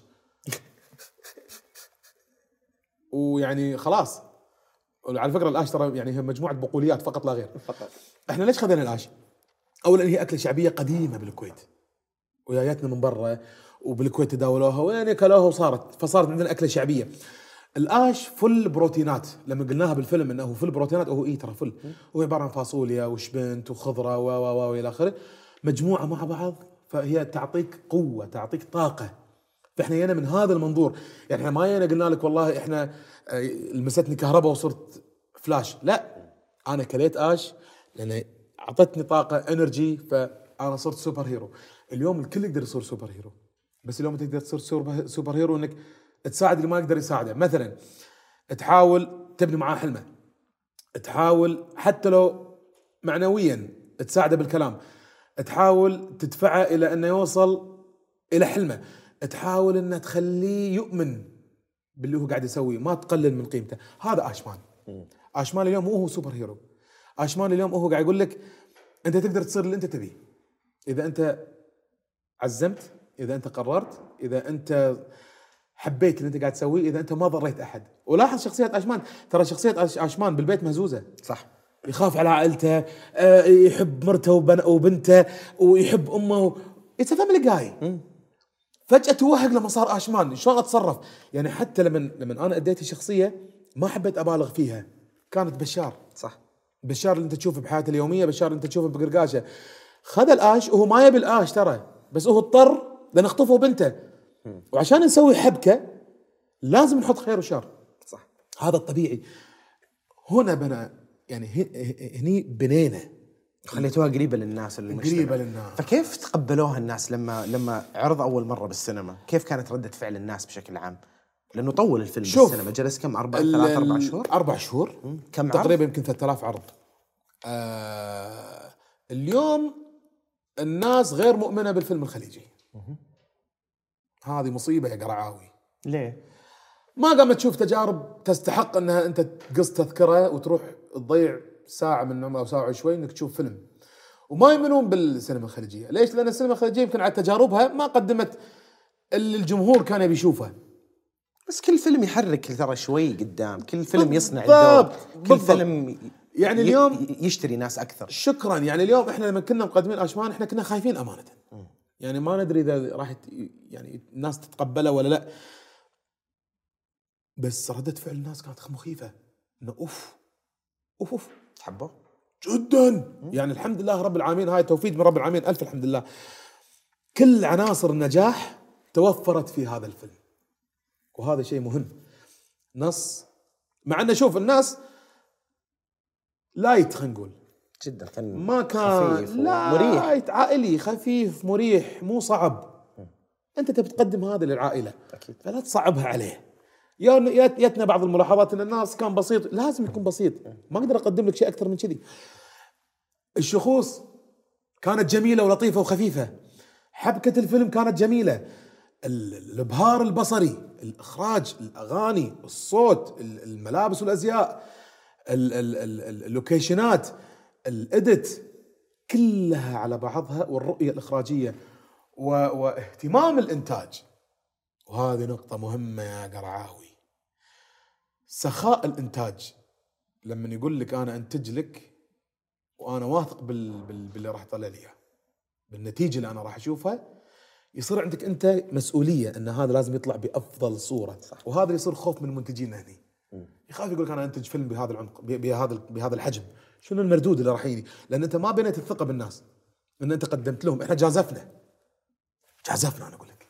بالآخر إحنا جازفنا في فيلم آشمان. ردة الفعل خلتنا الآن الآن وأنا قاعد أكلمك نكتب فيلم جديد للعائلة أنا وعباس. الله. ليفل ثاني فوق آشمان. أنت اليوم ما تقدر تسوي شيء أقل من آشمان. يا تسوي نفس آشمان؟ ولا روح بيتكم. أو مم. ولا أحسن ولا روح بيتكم. شكرا. ما أبي أقول رسالة. يا جماعة نحن الآن في وقت يجب أن نصنع السينما الخاصة فينا. اليوم أنا بتكلم على الكويت والسعودية بشكل خاص. أه، وشركات الإنتاج الكبيرة في الخليج. نحن أرض خصبة خصبة جدا لصناعة هذه السينما لصناعة هذا الفن. ماكو عذر خلاص. لا يوجد هنالك عذر تقنيات نأتي بها من الخارج ما عندنا مشكلة. ماديات متوفرة. نصوص وكتاب موجودين ممثلين موجودين. شو اللي يمنعنا؟ خوف من المردود. إذا هذا الخوف راح يتم لن تكون هنالك صنعة. إذا لم تشجع الجمهور لحضور أفلام تستحق المشاهدة فلن يأتيك أحد. ضع الثقه بالجمهور. اليوم إحنا لما سوينا آشمان إحنا مو قاعد نتفاخر إن إحنا الأوائل وسوينا شيء. لا زين لا هذا موجود من زمان. نحن الذي يعني ال- الشيء الذي فعلناه أخذنا هذه المغامرة وهذه المجازفة وقدمناها لك. قلنا لك ترى إحنا نقدر. بس ما راح نقدر نكثر إذا ما ساعدتونا. عشان تكون هانك صناعه عرفت؟ أيوه انت بيلك أكثر من مثال يكون ناجح يعني تجاريا لدرجة إن المنتجين يقولون okay okay أقدر أجازف أكثر. بعدين مجا... منتجين أكثر يجازفون وتصير فيه لازم الفشل موجود مو كل فيلم ناجح. بالضبط. لما يضرب لك واحد من عشر أفلام ويكسر الدنيا لدرجة إنك تغطي خسارتك في الأفلام كلها اللي قبل. بالضبط بالضبط. اليوم تأخذ وقت. يأخذ وقت طبيعي بس إحنا بدينا العجلة. إحنا ولعنا شرارة. ومستمرين. بس محتاج أحد ثاني يحط ال- ال- الشرارة اللي بعدها. محتاج أحد عشان يصير الضوء وايد عالي وايد عود نقدر نشوف الطريق حيل. اليوم إحنا نبي نتعاون بشكل خليجي. خل نطيح الباوندريز خل نطيح الحدود. هذا فن. لنستمتع به. وصار هالشيء قاعد أحس قاعد يصير الحين الفترة هذه آه، يعني اليوم أنا لما أقرأ خبر في السعودية أنه ضخ مبلغ مادي وقدره لصناعة مدينة سينمائية ومدينة إعلامية بالسعودية. يا أخي عجيب شيء يحمس الحمد لله. إحنا بوقت كويس. لما اتي إلى الرياض بفترتين مو بشكل مو يعني متباعد بينهم بالوقت وأشوف هذه النقلة والاهتمام الثقافي وال... الحمد لله. زين إحنا بالكويت عندنا هذه الطاقات. والخبرات. يعني إحنا خلينا نقول إحنا مو أرض خصبه لا إحنا طفنا الأرض الخصبه نحن الآن مصنع. آه هذا المصنع يحتاج مصنع آخر عشان يكون في التعاون بين هذه المصانع. الإمارات أيضا عندها هذا المصنع البحرين أيضا قطر أيضا داخلة في في في في مصنع. يعني تخيل لو كل الخليج تكون هناك منظومة لصناعة السينما. شنو تخيل يصير؟ هو لما تفتح لما تبدأ تكبر الأسواق بنفسها وتنفتح على بعض شوفها صارت في مصر يعني سوق مصر آه، السينمائي ازدهر بوجود يعني سوق جديد موازي له شكرا. وهذا يشكل تحدي على الصناع السعوديين والخليجيين وأي أحد يبي يدخل السوق هذا بس برضو الفرص ال- متاحة. اليوم والفيلم الكويس بيسحب عيون الناس. بالضبط بالضبط. اليوم أنت شنو تبي؟ أنت أول شيء اليوم يجب أن تخاطب الناس لا تستعلي عليهم. لا تقدم لهم شيء عشان بس يكون يبين إن أنت فنان. فنان. لا لا. الناس ما تبي كذي. تعال حق الناس اللي يبسطها يونسها يحسسها انه إي هذا الفيلم لي أنا. أنا بشوف الفيلم. عرفت؟ نفس لما يسمع أغنية. يشوف فيها كلام شاعري تقول تعبر عني. مع تشوفه ما يحب. بس والله تعبر عني. وضيق خلقه. والله تعبر عنه مو أنت لا تحب ولا يضيق خلقه بس إنه هو حاس فيه. لامستك. لامستك خلنا نصنع السينما. كل المقومات موجودة. كل يعني عقول موجودة. طيب الحين أنت بعد اشمان عندك أشياء مشغلتك حاليا. عندك الدكتوراه تبي تخلصها ما شاء الله. الحين أنا خلصت الحمد لله ماجستير في خلصته؟ الفنون المسرحية بالإخراج المسرحي وبالتحديدا بالتمثيل والإخراج المسرحي. الآن قاعد أكمل دكتوراه وعلى المشارف إن شاء الله النهائية. ما شاء الله. آه خلنا نقول آه في مشاريع مع عباس الوسفي مع دورز برودكشن إن شاء الله. وأيضا في مشاريع مع آه حاتم حسام الدين أيضا آه لسيتكم آه وطبعا يعني في عالم الدعايات اللي أنا دشيته. هذا عجيب. ممتع ممتع. السكتشات وكتابة السكتشات الدعايات والإعلانات هذا عجيب. يعني الآن الإعلانات وهذه من إحدى الحكايات البسيطة إنه ناس قبل كانت تخاف تسوي إعلانات. صح. وكانوا ترى على فكرة يعني انتقاد وايد على الإعلانات. انت شلون مدرس أكاديمي وكي تسوي إعلان؟ قلت هذا فن بالنهاية. ليش لا؟ بحط بصمتي عليه. الآن الناس تنتظر الإعلانات. إحنا نسميه بالكويت يتخانقون يتحاربون منو يطلع بالإعلان. منو ينطري له تلفون يقول له تعال في الإعلان الفلاني. فعشان شي أنا أقول لك أنا أحب أجرب. بس هل عندك آه، شيء معين؟ هذا سؤالي لك في البداية. كان حلمك الأخير ما عندي. الحياة المثالية في هذا الفن هل فيه خط معين تبي تركز عليه؟ السينما. السينما. السينما وال خلينا نقول ال series. من ناحية كتابة وتمثيل؟ yes. يعني لابد لابد من من إن تكون في هنالك صناعة سينما خليجية. آه، صناعة سينما آه، يعني يستحقها الجمهور لما يشوفها يطلع مبسوط. يطلع مستانس لازم. لازم اليوم أنا أقدر أي شخص. فوش ال... وش الأعمال اللي قريبة وش اللي تقدر تتكلم عنه؟ آه ومتى راح نشوفها؟ متى العمل الجاي؟ ومتى بنقعد الجلسة الجاية على نفس العمل هذا اللي بيطلع؟ إن شاء الله إن شاء الله. الحين إحنا في صدد آه، أنا وعباس قاعد نكتب آه، لفيلم جديد. ما أقدر أقول تفاصيل فيه بس هم فيلم عائلي جميل. آه، ليفل ثاني فوق آشمان. ومخطط متى بينزل؟ يمكن على السنة القادمة إن شاء الله. زين. آه في سيت كوم أيضا مع حاتم حسام الدين آه في مرحلة تحضيرية.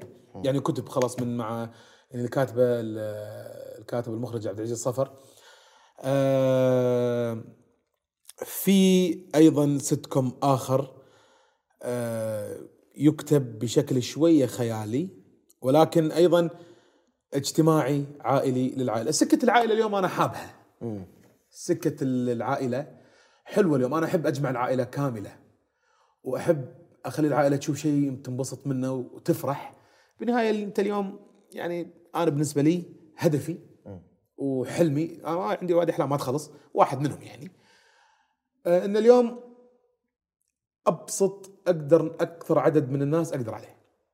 ويعطيك العافية. قاعد تسوي هالشيء بشكل رهيب. ما أدري شوف لا أرجع وأقول لك. تجارب. أرجع وأقول لك أنا ما أدري إذا أنا دمي خفيف ولا لا. أنا قاعد أحاول أجرب أكتب أسوي أقدم وإن شاء الله. خلي هالشيء للناس تقوله. وقبل ما قبل ما نخلص آه، في نقطة أنت فتحت tab وودي نقفلها. كنت تبي تتكلم عن stand up آه وش كنت آه. تبي تقول؟ آه طبعا التعاونات اللي صارت بيننا لما كنا نسوي stand up بالكويت بعدين التعاونات اللي صارت فينا هني مع السعوديه والبحرين بعد. والبحرين آه إبراهيم الخير الله فهد البتيري وضاح آه سوار آه ب- آه، مؤيد النفيعي آه يعني كانت تجربة خليجية أيضا قدمنا عروض في الإمارات في قطر في البحرين في الكويت. آه والله في حتى أذكر وايد ناس كانوا معانا والله الذاكرة ما تسعفني حاليا والسموح والعذر حق الناس اللي ما ما ما, ما قاعد أذكر أساميهم. كانت عروض عجيبة. عجيبة عجيبة وعرضنا في مسارح كبيرة يعني. جميلة جدا. و لكن عندنا مشكلة أن تقبل الناس لهذه الفكرة مالت ال stand up يعني أصبحت قليلة شوي. صح. ولعل إنه بعد stand up ما كان له المقومات إنه يبقى كصناعة. في ناس شغالين عليه طريقة. لأن bound ال boundaries مالتها محدودة عندنا لازم إيه. ويحتاج أندية كثير ويعني إيه. نقاش طويل وحكيت مع ياسر بكر في الموضوع وكانت عنده وجهة نظر. جدة Comedy Club. آه جدة Comedy Club. ياسر وحجاج بكر. والشرقية بعد. حجاج. اي معنا حجاج كان في قطر وكان معنا ب- آه، بجده وكان فبتاخذ لها وقت ترى. جداً. بتاخذ لها وقت لكن هالتعاونات اللي شفناها بال بال stand up الريمي. كثير كثير. التعاونات اللي صارت هذه بال stand up آه، خلقت صوت لذيذ والناس تقبلوه. والصراحه ما تتخيل لأي درجة متحمس إن نشوف التعاونات على مستوى سينمائي فقريب بإذن الله. والله إن شاء الله بالعكس بالعكس أنا أنا ودي يصير هذا المزيج ودي ودي بيصير. يصير هذا المزيج بين هذه الكوكبة يعني شوف ما بقول لك هذا وقتنا لكن لكل دو لكل زمن دولة ورجال فنتمنى نتمنى إن إن خلاص التركيز على السينما وهدكم من المسلسلات أم 30 حلقة خلاص. خلاص عاد. خلاص لا، عاد. خلاص لا، عاد. أنت قاعد تقولها برمضان ترى. خلا عاد. والله خلاص عاد. يا جماعة في فكرة؟ يا أخي برمضان أنت قاعد تنتج حق 30 حلقة صح؟ يبقى من بشهرين بعد. من الثلاثين هذا بعد عندنا مسألة ثانية إن تعال انتج قبل رمضان بشهر و نفس. يبقى خذ نفس، 30 خذ نفس. 30 حلقة. قسمهم 10 حلقات. ثلاث مسلسلات؟ ثلاث مسلسلات وقدمهم في رمضان. يبقى. اعتبره سيزن. والله العظيم صح. أوفر لك أريح لك ويصير في تنوع ثقافي. يعني خلاص. لا لا بصراحة بيني وبينك معادلة التلفزيون لا يمكن تعدلها. بتضطر معادلة التلفزيون إنها تموت بشويش أو تتغير بتواكب اللي قاعد يصير في المنصات قاعد تأثر بشكل قاعدة تأثر. مخيف مرة جدا مرة جدا. وعلى طار المنصات قبل ما نقفل آه عاشمان موجود على شاهد الحين. اشمان موجود على شاهد الآن وقاعد يعرض على شاهد الآن وأيضا قرقاشة على اليوتيوب قاعد يعرض الآن. أي أحد بدش يشوف قرقاشة يكتب بس قرقاشة شو موجود على اليوتيوب. وأيضا اشمان موجود على الشاهد اللي بيروح يستمتع في اشمان بالعكس الساعة لازم المباركة. لازم كل أحد يشوفه. آه... thank you قرعاوي حبيبي حبيبي أنا يعني ما تتخيل كيف أنبسط بالجلسة معك. وايد سولفت. أحلى ترى على. فكرة تقدرون تسوون وايد forward إذا عجبكم ردوا شي طقتين لورا. إذا عجبكم كلام ما عجبكم كلام. تقدرون تسوون skip تشوفون أي شيء ثاني. والله تشوفون أي شيء ثاني. يمكن ثلاث ثلاث أرباع حوارنا مو شرط تسمعونه بس إنه يعني بنسوي material حق الحلقة. محاولات محاولات. اي بنسوي. material. اي بنسوي. بنسوي اي بنز... أنا قاعد طالع كاميرا فب... يعني بنسوي material حق الحلقة يعني قاعد احاول نحشي حتى حاليا وأنا قاعد أسولف ما بيقفل الحلقة عشان تكون حش ف cut يا شباب. cut cut يا شباب. يعطيكم العافية شكرا. حبيبي،. شكرا شباب يعطيكم. العافية.